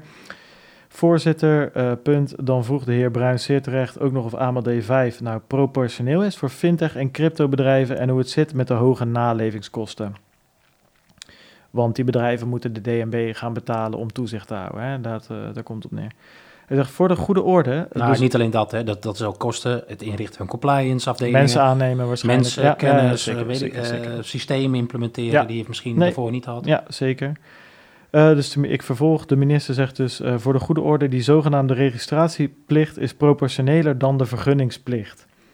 Ja, dat is al waar als het een registratieplicht is, maar dat is nou juist het discussiepunt en daar gaat hij niet echt op in. Bij die vergunning moet namelijk ook een inhoudelijke beoordeling vooraf worden gemaakt en gelden er eh, gewoon meer voorwaarden voor het wel of niet verlenen daarvan. Dus vergunning versus registratie. Dus is het helemaal zonder SORES met de, met de registratieplicht? Nee, dat is het natuurlijk niet. Daar moeten we ook eerlijk over zijn. Maar ik denk dat het lichtere regime wel helpt. Als ik in de Kamer zou zitten en me nog met allemaal andere dingen bezig zou moeten hebben... en hij zegt dit, dan zou ik denken, ja, dat, dat klopt. Hij zegt hier ook niks feitelijks onjuist. Een registratieplicht is ook lichter dan een vergunningsplicht. Maar dat is nou juist het hele punt. De cryptobedrijven die beargumenteren dus dat het een verkapte vergunningsplicht is. Ja, gaat hij verder niet op in.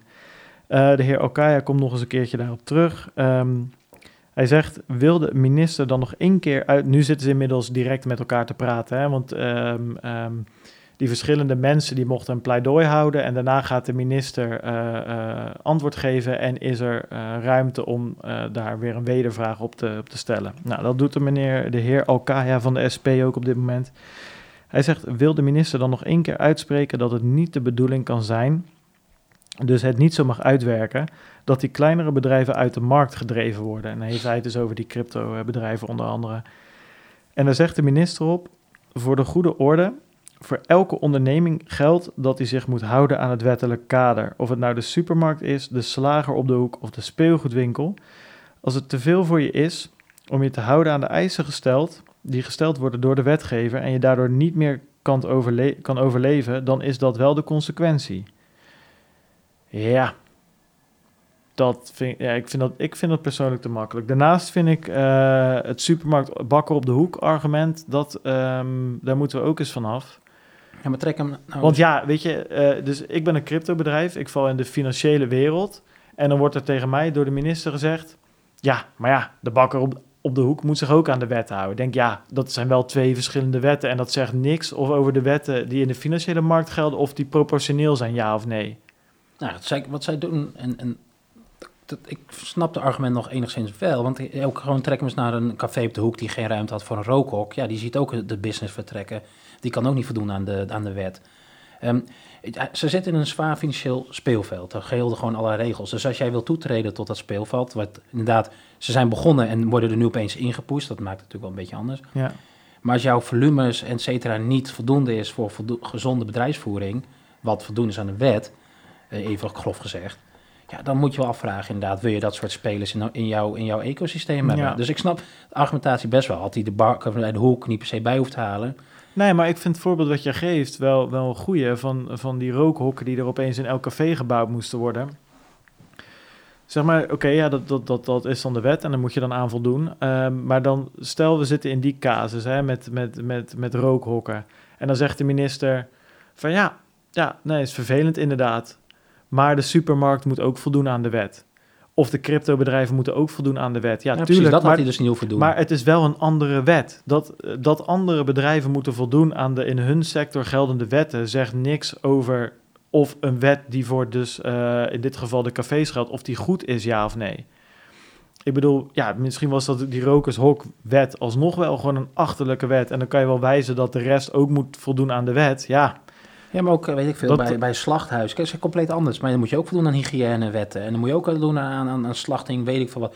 Ja, dan kun je wel zeggen, ik wil er niet voor doen, dus maar ik dat heb is, kapitaal niet om daar te investeren. Maar ja, dan is het, gedaan. Maar, maar, dat is toch het punt. Die cryptobedrijven die zeggen in elke mogelijkheid die ze krijgen om te reageren, wij willen ook voldoen aan de wet. Dus het gaat ze er ook niet, zoveel, niet zozeer om van, we willen er niet aan voldoen of we zijn er compleet tegen. Wij denken dat deze wet disproportioneel is en niet na te leven valt. Hetzelfde als wat, wat de bouwers en de boeren hebben met die stikstofwet. En dan kan je wel zeggen uh, van ja, weet je, uh, Jan, bedrijf A of bedrijf B in een compleet andere sector moet voldoen aan wetten die voor hun gelden. Dat zegt niks of de stikstofwet haalbaar is, ja of nee. En dat is een beetje het, het, ding wat ik hier, hier uithaal. Ja, had niet hoeven doen. Had hij niet moeten doen per se, nee. Van ja, elk, hij zegt letterlijk, elke onderneming geldt, uh, voor elke onderneming geldt dat hij zich moet houden aan een wettelijk kader. Ja, oké. En dat zeggen die cryptobedrijven in principe prima, helemaal mee eens, maar dan moet dat wettelijk kader wel haalbaar zijn. En dat is de discussie uh, die gevoerd zou moeten worden. Nou ja, en dat gaat op een gegeven moment geloof ik over kosten. Kijk, dat, dat maakt het natuurlijk het probleem, want hetgeen wat daar volgens mij gevraagd wordt, is niet per se dat het niet haalbaar is. Het kennen van je klanten, dan kun je systeem of inrichten. Op een gegeven moment is het gewoon een kostaspect. Mm. Als ik jou dus moet screenen voor een transactie van 5 euro, en dat is inderdaad wat die andere meneer zei over 3000 euro, daaronder hebben we toch ook gewoon uh, allerlei opties. Ja, voor, als ik jou voor, voor 15 euro of 5 euro, whatever, moet gaan screenen, ja, dan kan, dan, dan kan ik die eigenlijk dus niet meer aanbieden. Nee, nee, nee, precies. Um, even kijken, nog even het, het, het, verhaal, een stukje van het verhaal van de minister um, mm afmaken. Hij zegt dat ondernemen uit de markt, dat ondernemingen uit de markt gedrukt worden, is een situatie die we niet willen, maar er is wel een bepaalde drempel zie ook de discussie die we hebben met elkaar hebben gehad over de trustkantoren. Daarbij, daarbij hebben we ook gezegd, we leggen de lat hoger. Het zou kunnen zijn dat heel, hele kleine trustkantoren die niet meer aan de compliance kunnen voldoen, niet meer mee kunnen in de vaart der volkeren. Maar dat is een bewuste keuze. Ja, oké. ja. Hey, grof gezegd, de zwakke broeders. Ja, die, ja die, die, dus die worden er... Uh, gedrukt. Ja, nee, ik, ik, ja, ik weet niet. Ik ben het hier. Maar vanuit het toezicht, ja, dan, dan heb je dus bepaalde sterke partijen waar je uh, solide toezicht op kan houden. En er zijn heel veel mitsen maar of het ethisch kan en uh, bla bla bla. Maar kijk, vanuit logica, even los als wij niet zo met crypto waren en we, dat ging een ander. Precies het trustkantoor had ik niet per se een band mee. Dan denk je, ja, nou, en terecht ook, weet je, laat die... Nou, ik denk eigenlijk helemaal niks van, want het interesseert me geen reet. Ik denk dat dat punt, punt 1 is. Het interesseert dus me geen reet wat er met, met trustkantoren gebeurt. Punt twee, ja, nou, maar ik, ik, weet niet of ik het er helemaal mee eens ben, Wijnand. Want misschien, kijk, wat er ook gezegd wordt door een aantal van die Kamerleden, die ook die vraag stellen aan, um, aan die minister. En die zeggen van, nou, precies een jaar geleden, of twee jaar geleden of zo, stonden we hier om AMLD 4 te bespreken, uh, waar er allemaal dingen voor banken uitkwamen. Mm -hmm. En kijk waar we nu staan. banken die, we, we hebben inmiddels een leger van acht, banken hebben inmiddels een leger van 8000 man eh, rondlopen om aan die wetgeving te voldoen. Ehm, Ja, Waar- wacht waar- even. Dat komt wel omdat bepaalde banken dus aantoonbaar eh, niet... Die hebben er een potje van gemaakt, toch? ja, maar gezegd. die zijn gestraft op basis van de AMLD 4, hè, wat opgenomen is in die, in die, in die, ook weer in de WWFT. Dus ehm, die, die strengere eisen komen ook wel eh, mede voort, natuurlijk uit het gedrag van de banken zelf. Ik Die bedoel, laten, we, nee, maar laten, we, laten we daar duidelijk over zijn. Maar ook uit de steeds strenger wordende eh, regulering die daaruit volgde. En die, eh, het, het is ook niet dat dat, dat dat ter discussie werd gesteld, maar wel meer van in, hoeverre kunnen we deze wet uitvoeren. Kijk, dat banken in het verleden, en misschien nog steeds zo, dat weet ik niet, maar in het verleden in ieder geval dingen hebben gedaan die niet door de beugel kon, eh, eh, konden, dat is duidelijk. Kunnen. Maar- het is niet eens verleden tijd. Ze kunnen gewoon niet door Nee, de beugel. nee, precies. Dat kon toen niet door de beugel en nu eh, al helemaal niet meer. Maar dat is toen gebeurd. Maar nu moeten we wel verder. En nu moeten ze voldoen aan, aan, aan, aan, aan een wet waar ze eigenlijk niet aan kunnen voldoen. De banken zelf zeggen het ook. Van, we lijken meer op een soort AIVD tegenwoordig dan dat we nog bank zijn. En nou, Ja. daar, ja, oké, maar daar wordt dan gezegd, ja, banken die lopen nu lekker te huilen omdat jullie nu een keer wat aan compliance moeten doen. Ja, oké, dat is fair, maar dat is ook wel vanuit emotie gesproken. Dus het, volgens mij over de gehele linie is deze wet gewoon best wel, eh, eh, nou, de, hoe noem je dat? Het is best wel zwaar op een organisatie om uit te voeren. Dus daar mag ook best wel eens naar gekeken worden of dit nou, is dit nou de manier? Ja, een ander het alternatief is een staatsbank. Wil je dat? Wil je dat de overheid per definitie al je data heeft? Of wil je nog zo'n partij ertussen? Ja, Ja, ja, ik vind het lastig. Kijk, eh, ja, je acteert in een, een, nou, misschien wel de zwaarst geregule- gereguleerde markt ter wereld. Nog complex ook, want wat in de US geldt, geldt niet in Azië. Dat geldt zeker niet in Europa. Dat je moet voldoen aan de Nou, wet is gewoon... een- eerder is- andersom misschien, maar inderdaad, je hebt allemaal met verschillende toezichthouders en wetgevers te maken. En het is ontelbaar veel. Ja, als je daar financiële, nu, op, nu financiële producten, wat ook een compliment, dus de bitcoin is van een, een niche naar dus überhaupt dat we hierover spreken gegroeid in Ja. tien jaar. Ja, nee, zeker. Dat is toch Ehm, bizar? Dat is toch, als je het over Maar, goed, adoptie wat, hebt, is maar dat wat toch is, heel mooi. wat is nou de consequentie? Nou, één consequentie is dat gewoon de deuren dichtgaan bij bepaalde bitcoin-bedrijven. Bitcoin-brokers. Nou ja, stel, stel even dus inderdaad je compliance oprichten, tooling, screening, kosten. Noem, eh, die DNB, of tenminste in het artikel van het wetsvoorstel, was toen uiteengezet hoeveel het zou gaan kosten. Er was een hele hoop commotie over, want het was een beetje, ja, een beetje... Uit de duim gezogen. Uit de duim gezogen. we hebben het over tienduizenden euro's. hè. Zet- zet- laten we even pinnen eh, op eh, 50.000 euro. ja. Even, dat is waarschijnlijk veel te weinig. Ja, eh, eh, maak jij genoeg marge, pak je genoeg omzet en winst om dat te betalen? Ja, maar, dus, dat, dat- maar kijk, daar zit... Da en daar wringt hem ook een beetje de schoen, zeg maar. Ehm, normaal gesproken zijn... Ja, nou, zijn, dingen ook wel enigszins proportioneel. Als ik met mijn bedrijfje gewoon... Ik kan, ik kan heel, een heel gezond, eh, gezonde bedrijfsvoering hebben... waarbij ik misschien een omzet draai van 40.000 euro per jaar. Weet je, ik heb een paar medewerkers in dienst, we doen het met z'n drieën. We hebben omzet, we betalen netjes belasting, alles zit goed in orde, onze klanten zijn tevreden. We hebben niet veel klanten, maar wel genoeg, we komen ervan rond. Ja, maar je Oh, acteert in de financiële En dan- producten, financiële markt. Ja, oké, en, en daar begint... ehm, ja, oké, nou ja, weet je, als dat zo is, dan is het zo. Maar dan, ja, dan, Maar ik dan vind ik het een vreemd... Ik weet je, gewoon als compliance pas kan beginnen rond, het- rond tienduizenden euro's... ja, maar ja, dan kijk, is het toch wat je- fout. Weet je, een antiekhandelaar valt toch ook onder de WWFT en kan toch ook gewoon, hoeft toch ook niet in één keer 50k te betalen of 40 of Andere 30. volume, die, die verkopen een keer een schilderij. En, eh, Precies, maar er zijn ook brokers die een keer een bitcoin verkopen. Dat is precies mijn punt. nou, zeg maar, waarvoor, waarvoor kan die, die, die, die, die fee die je betaalt aan... Tuurlijk moet je aan compliance voldoen. Dat is voor mij ook het punt Ja, van maar veel van dat die bedrijven. zeg je, nou, vanaf bij ons platform kun je alleen één bitcoin kopen of meer. Want vanaf dan kunnen wij het betalen. Ja, oké, maar dan komt er dus geen hond meer. Dat is Ja, het hele bij probleem. antiekhandelaar, als die te hoog gaat zitten met zijn prijs, komt er ook geen hond. Die schilderij hangt er dan eh, over tot sint Maar die kan lager gaan zitten met zijn prijs, omdat... eh, Ja, eh, dan verkoopt hij met verlies. nee. Dat is geen businessmodel. Nee, die antieke. Het, het punt is dat daar gewoon dat hij ook aan compliance regels moet voldoen, ook aan AMLD, WWFT, eh, KYC, anti-money laundering, maar wel op een niveau waar het haalbaar is. Dat is het hele punt. En die, die worden toch gewoon hier letterlijk onder dezelfde wetgeving geschaard. ja, eh, maar niet, maar niet met hetzelfde. eh, volgens mij Laat ik zo zeggen, volgens mij kost het voor een gemiddelde antiekhandelaar geen uh, tienduizenden euro's om die compliance uit te voeren. En voor de gemiddelde bitcoin broker wel. Nee, want die, inderdaad, als jij waarschijnlijk iets koopt, kun je dat aantonen wie je bent. Dus volume, dit is een volume kwestie en een marge kwestie, toch? Ja, ik, ik denk het. Nou, anyway, volgens mij, ja, volgens mij komt het erop neer dat, dat voor die crypto brokers de lat toch wat hoger komt te liggen dan voor een antiekhandelaar of een autohandelaar. Nou, dezelfde wet. Ja, dezelfde wet. Maar volgens mij zitten er een paar parameters in die wet. We hebben het de vorige keer ook over gehad, over hoogrisicotransacties, dat soort dingen. Dat, dat, dat transacties waar crypto in betrokken wordt, eerder in een iets hogere schaal terechtkomen dan transacties waar... Het laatste voorstel volgens mij risk-based. Dus je kunt dan nog zeggen inderdaad, dus die pizza bij thuiszorg, nou ik weet niet of thuiszorg nog steeds, zou je dan zeggen, oké, dat is lager risico. Maar goed, KYC moet je wel doen, hè? identificatie, verificatie. Je moet nog steeds weten, oké, het is Bart, hij moet zich verifiëren kun je dan verschillende schalen doen. Maar goed, Stel, nou- stel nou dat het voor die cryptobedrijven tienduizenden euro's gaat kosten. Hè, en dan zijn er dus gewoon een paar die waarschijnlijk uh, de deuren moeten sluiten. We hebben er voor mij 25 in Nederland of zo. Maar wat je ook hoort, en um, daar wilde ik nog eventjes op terugkomen. Wat je ook wel vaak hoort, is van nou, dan gaan die bedrijven naar Malta of uh, Zwitserland. Vraag ik me af. Want um, veel van die bedrijven, dat zijn wel echt Nederlandse bedrijven. Dat zijn Nederlandse gasten. Dat zijn Nederlandse gasten die, al, die al jarenlang gewoon, nou, een hele leven gewoon, net als jij en ik, gewoon in Nederland wonen.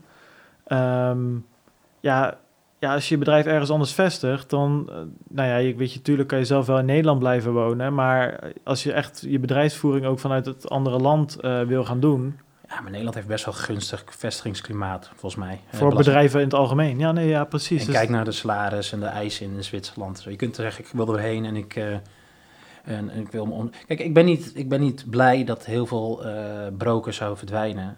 Um, maar het is wel het speelveld waar je in gaat acteren. En, en voor de gemiddelde koper, die kan uitwijken naar, naar een andere plek. Dus voor de consument wordt, ja... Nou, voor de consument maakt het geen zak uit. uit. Um, maar ja, kijk, het is dat we emotioneel hier aan vastzitten. En waardoor we er gewoon best wel mee kunnen zitten alsnog. Maar als het bij any other was geweest, any markt... Uh, ja, maar dat zijn toch twee verschillende dingen. Any other markt boeit me gewoon geen reden. Nee, nee, maar dat, dat, is, het dat is toch de emotie? Die, die, ja, oké, okay, eens. Maar als ik bij any other markt hetzelfde was gebeurd, bijvoorbeeld bij die trustkantoren... en ik was me op de een of andere reden, weet niet waarom, uh, iemand heeft gezegd van... joh, ga je hier eens op inlezen. En ik lees me in zoals ik dat nu heb gedaan had ik ook gezegd, nou, dit is voor veel trustkantoor, waarom is dit zo disproportioneel? Uh, waarom is, wordt er op die kleine trustkantoren dezelfde eis gelegd als op grote trustkantoren? Zeg maar, dat is mijn, een beetje mijn punt. Ik ben het met je eens, ja, weet je, een trustkantoor of heel veel andere, weet je, de, ik heb gekeken in, in die Tweede Kamer, in dat debat, werden nog andere wetten ook, ja, dat, geen idee wat daar gebeurt, dat interesseert me ook niet zoveel. Dus dat ben ik met je eens, daar zit ik emotioneel niet zo, uh, niet zo mee verbonden. Maar stel dat ik me zou inlezen, maar ligt de kracht dan niet in het samenwerken? Dus als de kosten zo enorm zijn, en dat zal met name dus uh, nou, zijn, hè? dus geen allerlei checks die automatisch worden uitgevoerd. Ja, nou, kijk, laten we dan kijken of, of gezamenlijk dat je, ja, je hoeft, je kunt concurreren op AML, KYC, et cetera, is volgens mij geen business case, want daar valt weinig aan te verdienen, het kost geld, kost drive. Nou, is zeker wel op te concurreren, want we hebben net besproken dat er, me, dat er bepaalde bedrijven gewoon, die gaan er gewoon kapot aan. Ja, dat is een kostdrijver. Maar in principe ja, maak je er geen winst mee. Dus dat je kan wel minder verlies maken. Ja, je kunt het goedkoper doen, inderdaad. Ja. Dus, maar, maar ik ben met je eens. Het het is, maar goed. Maar ik ben benieuwd. Kijk, ja, het is een beetje koffiedik kijken wat er op de markt gebeurt. Maar ik denk, wat de minister daar zegt, dat dat best van gevolg kan zijn. En um, ja, ik vind het lastig om daar meteen goed of fout op nou te ja, zetten. Kijk, weet je wat het is? Het is het... Ik vind, maar ja goed, hè, we moeten ook opletten dat het geen herhaling van, van, van zetten wordt. Maar ik denk wel dat een wetge die wetgeving en dat die cryptobedrijven onder die AMLD vallen en onder de WWFT, ben ik best wel mee eens. Vind ik, uh, weet je, ik bedoel, ja, inderdaad wat je zegt, je, je zit gewoon in de financiële wereld, het financiële speelveld en dan, en dan val je gewoon onder, uh, onder de wetgeving, net als uh, andere payment providers of, of bedrijven die dingen aanbieden in de financiële wereld, of financiële producten aanbieden, laat ik het zo zeggen, of betaalservices. Het gaat me nog gewoon om dat, dat, dat die wet gewoon, uh, nou, waar we met Simon over gehad hebben, dat dat gewoon niet, ja, okay, niet, dat... niet helemaal. Die wet is ten eerste volgens mij gewoon buitenproportioneel voor cryptobedrijven. En ten tweede is wat de minister vertelt aan de Kamer niet helemaal wat er in die wet staat. Nou, en dat is dus wel een punt. En uh, dus... is de wet daarnaast ook strenger dan de richtlijn die aangevoerd wordt vanuit Europa? Oh, dat, dat, zijn een paar dingen waarvan ja. ik zoiets heb. Nou, dan kan ik me best voorstellen Dat je als cryptobedrijf op, op je achterste poten staat. En moet, ja, kijk, wij zijn al emotioneel betrokken. Moet je je voorstellen als je zo'n bedrijfje hebt. Het gaat hartstikke goed. Je bent Ja, vijf jaar daarmee bezig superkut. en je ziet gewoon voor je ogen en je kan er geen zak aan doen. Gaat het door de Tweede Kamer heen. Iedereen zit daar een beetje, ja, Ja, je business case wordt je nog een te ja. drinken op maandagavond, bij wijze van lege spreken. zaal blijkbaar. Lege zaal. En je kan brieven schrijven wat je wil en uiteindelijk gebeurt er niet zoveel mee. Maar goed, ehm, ja, ook weer to your point een beetje. eh, ja, dat, dat zie je nou al een half jaar geleden aankomen. En die wet gaat er, gaat er komen. En dat het allemaal on, on- ja, dat je onrecht aangedaan wordt, oké. En ik denk ook dat veel bedrijven hier ook al mee bezig zijn trouwens. Ja, je moet nu inderdaad of alleen of met z'n allen samen gaan kijken van ja, oké, hoe kunnen we dit dan tackelen? En dat, en dat is een ander punt. Ja, de DNB weet zelf volgens mij ook nog niet helemaal hoe ze dit, eh, hoe ze de monitoring hierop uit moeten gaan voeren. Dus het is een wet voor die voor iedereen een beetje, eh, voor alle partijen lastig is. Het was wel internationaal. eh, ik zag op Coindesk een, eh, lang artikel hierover. Ja, dit is wel een dingetje. Maar ehm, Over de Nederlandse, dit, dit, ja, dit precies over waar we het over hebben. Echt gewoon letterlijk over dus de, de, de Nederlandse brokers. Hè, dus Dutch crypto startups brawl with regulators over scope of EU money laundering rule. Ja.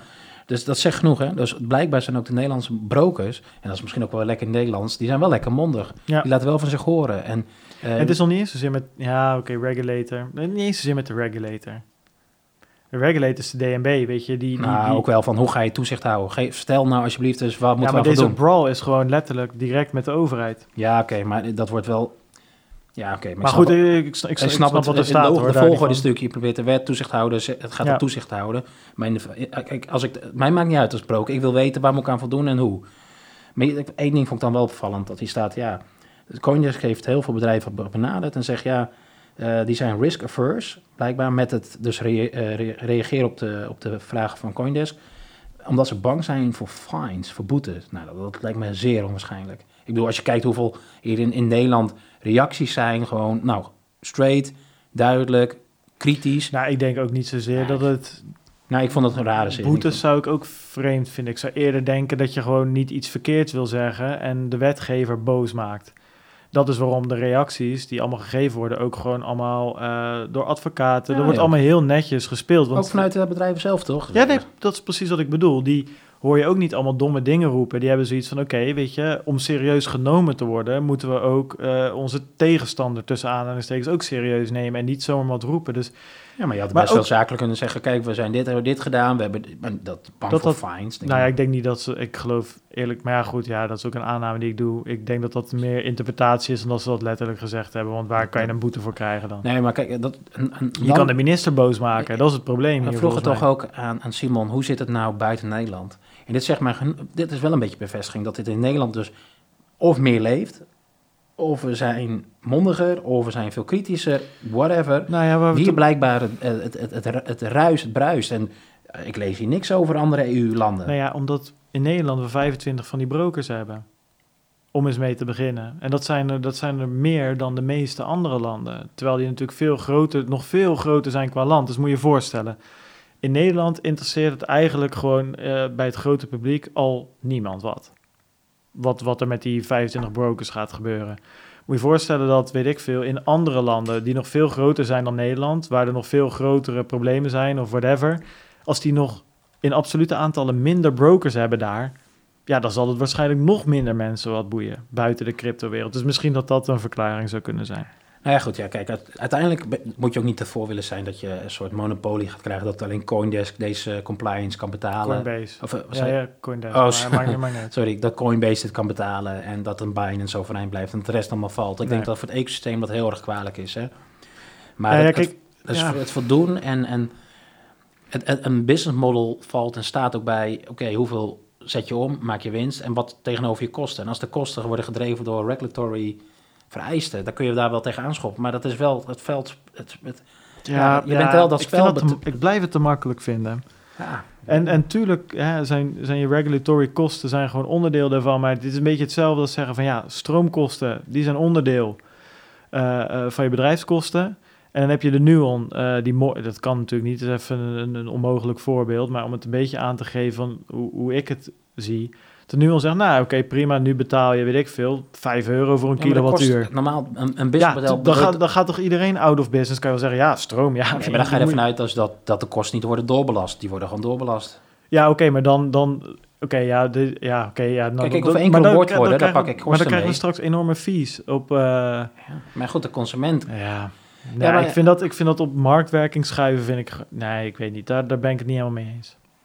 Nou ja, het is een, een fee-model. Dus eh, als Ja. de kosten omhoog gaan en je wil winst maken, dan moet je de fee omhoog doen. Ja, en dan, dan ga ik toch naar Coinbase, wat je net Nou, zei. en dat is dus het probleem. En daar, dat, daar moet je dus voor waken. Want, maar die moeten on- on- hetzelfde doen. Die alleen een schaalvoordeel. Dat is denk ik van... Ja, Dat is wel een grote Nou, stucadoorsbedrijf ten opzichte van een heel grote. Ja, Ja, de schaalvoordeel ja. is altijd goed. ik vind dat een hele gevaarlijke tendens, want dan, dan houden we Amazon, Google en. Apple over, of zo. En, daar, en daar ben ik ook niet blij mee. Nee, dus dat, Ik zit dat- een beetje vind een dat, advocaat van de duivel Nee, nee, nee, ik denk dat het heel goed is. Ik denk dat je daar een goede discussie van, eh, van krijgt. En, en weet je, ik, ik, ja, weet je, Kijk, uiteindelijk als consument maakt het me ook niet zoveel uit. En ik moet ook zeggen, ik, ehm, Kijk, ik Ja. gun ieder zijn brood. En ik, ik denk dat we in Nederland heel trots moeten zijn dat we zoveel brokers hebben. Het laat zien hoe vooruitstrevend we zijn. kijk, en ik denk ook meer wa- wat jij zegt. Kijk, je moet uiteindelijk ook gewoon aan die wetgeving kunnen voldoen als de wetgeving redelijk is. En dat is, dat is nou gewoon op dit moment volgens mij, volgens mij proces het kun je even afvragen of dat redelijk is, inderdaad. Want als Nou ja, ook die wet dus, die dus daadwerkelijk behoorlijk verschilt van hetgeen wat er in de richtlijn wordt aange Ja, dat vind ik aangegeven. dus duidelijk op proces dus. Ja. Dat is het ja, ja. proces wat heel raar is. Hoe, waarom ga je dat doen? Maar je Wat ziet- voor signaal ga je En, afgeven? en, nou, en, en ik vind ook die kritiek van de banken, wat je ook voor de rest van banken vindt, als zelfs die al aangeven van ja, wat zijn we nou aan het doen, weet je, we hebben hier 8000 man als een soort AIVD om, om, om die transacties op te sporen. Je hoort gewoon aan alle kanten dat dit hele proces van transactiemonitoring, KYC, dat het gewoon een heel complex proces is. En Is het zo? Is het, of, of, nou ja, eh, dat of is een heel arbeidsintensief proces, laat ik het zo, laat ik kijk, het zo, als zo je, noemen. HBN kwam toch pas ook weer, wat is het, 5 miljoen of zo? Wat, hoeveel, kijk, als je... sta- ja, ja, ja, kijk, eh een transactiemonitoren gebeurt automatisch doorgaans en heb je veel alerts die je moet opvolgen. Dat is heel veel werk. Dat is echt... Maar ik, ik zeg ook niet dat het goed, goed of fout is. Alleen je hoort gewoon vanuit alle kanten van die financiële markt wel, eh, wel, wel, wel kritiek op, op hoe dit nu werkt. Maar als je brackets hebt, laag risico, medium en hoog even, en je stopt alles in laag per definitie, en nu, word je, nu ga je eens nadenken van, hmm, op basis waarvan hebben we dat gedaan en hebben, is dat wel juist geweest? Ja, oké, maar dat was met je die files. te veel risico opgenomen. En Ja, maar dat was om- omdat een andere bank die KYC had uitgevoerd. Ik weet het niet. Ik, ik ben ook geen expert in. eh, maar ja, ik, ik weet niet, man. En, en uiteindelijk, en dat is misschien... Misschien moet de overheid daar eens wat, wat mee doen. Wat halen we er nou uit? Nou, en dat vind ik wel een goede vraag. Wat lossen we ermee op? Ja, Want dat is voor mij ook compleet onduidelijk, weet je. Ehm, en, en nou oké, dat die banken misschien wat meer, eh, wat meer transparant eh Ja, werken. maar heeft het daadwerkelijk effect op, op, op, op, op terrorisme? Zien we nou een, een toename of een afname van terroristische Ja. aanslagen? En, en, en of worden die met minder funds gedaan of meer? Ja, maar wat heb je nodig voor een terroristische aanslag? Ja, dit zijn allemaal, zijn allemaal ik, dat, ik, Nou ja, en dat, bedoel, dat is wel een hele goede vraag te stellen. Wat is het effect hiervan? En dat is heel moeilijk meetbaar, denk ik. Ja. En dat is inderdaad... eh, ja, ik zou het zonde vinden als er gewoon, kijk, weet je, als, als, als jij als bitcoin bedrijf of als eh, crypto bedrijf, broker, je zaakjes zo slecht voor elkaar hebt, ehm, ehm, dat je niet een paar duizend euro of gewoon een, een proportioneel bedrag van jouw eh, omzet kan besteden of wil besteden aan compliance. Eh, dan heb ik er geen moeite mee als je door deze wet ehm, eh, of ja, als je daarmee uit de markt gedreven wordt of failliet gaat of whatever. Kijk, GDPR kost Maar ook als- heel veel geld om te implementeren. Ja, en dat is ook een kutwet.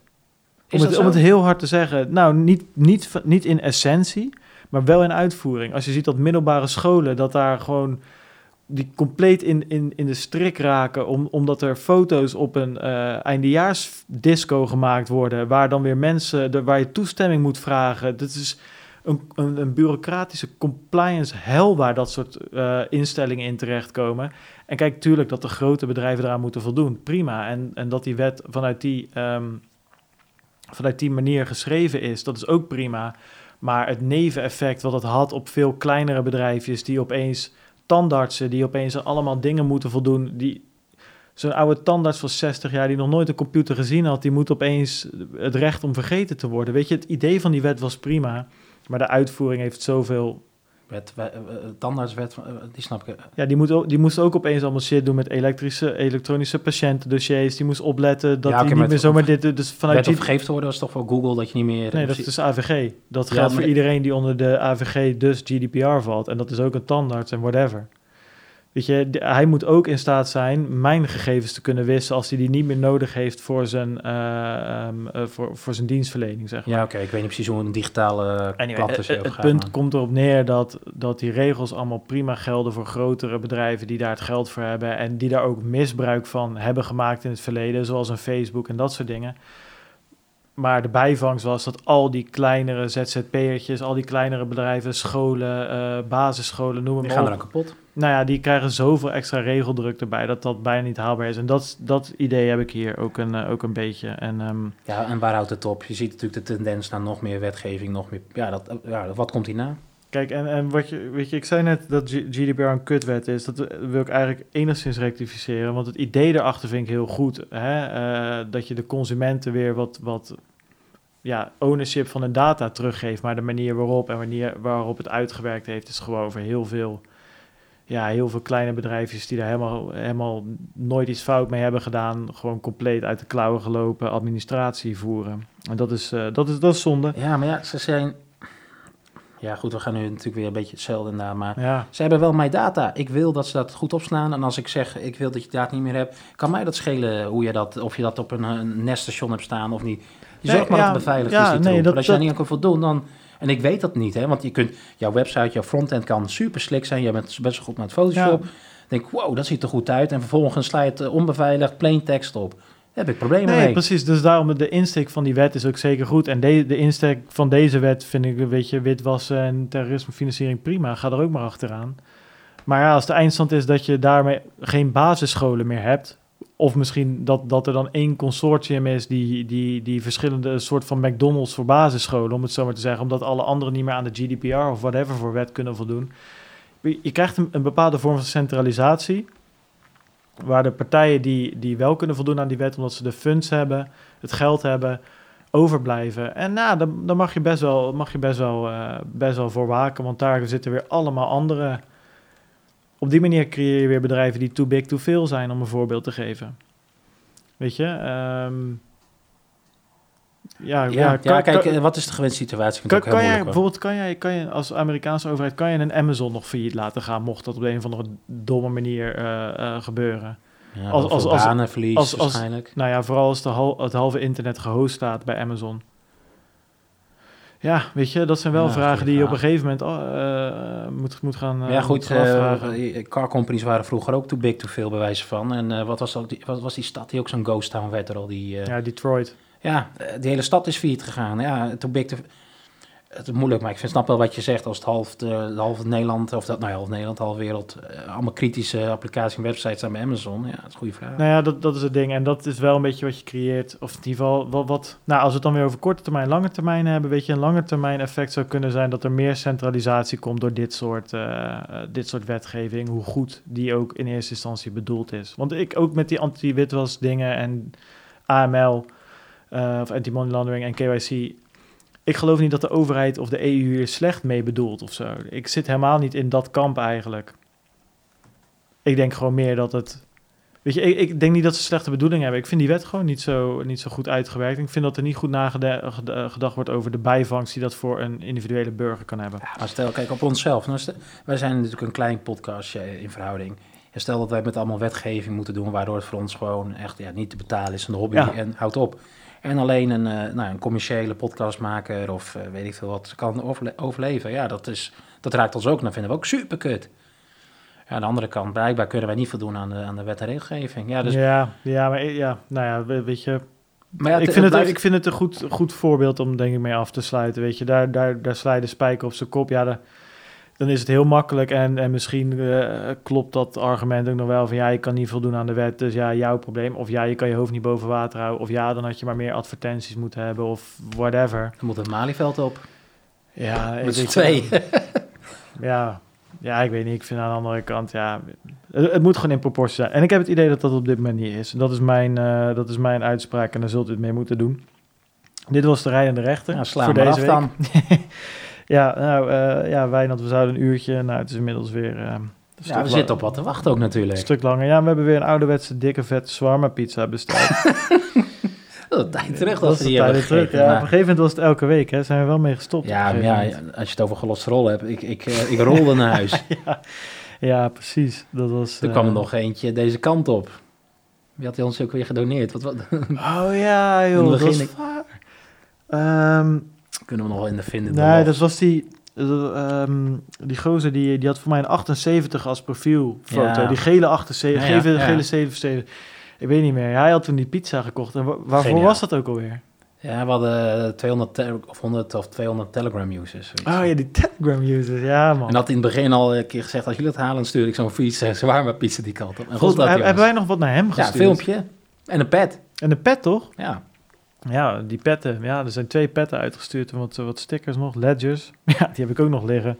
Eh, anyway, jongens. eh, dat is wel hartstikke leuk. Nou, toch weer 1, minuut, 1 uur 40.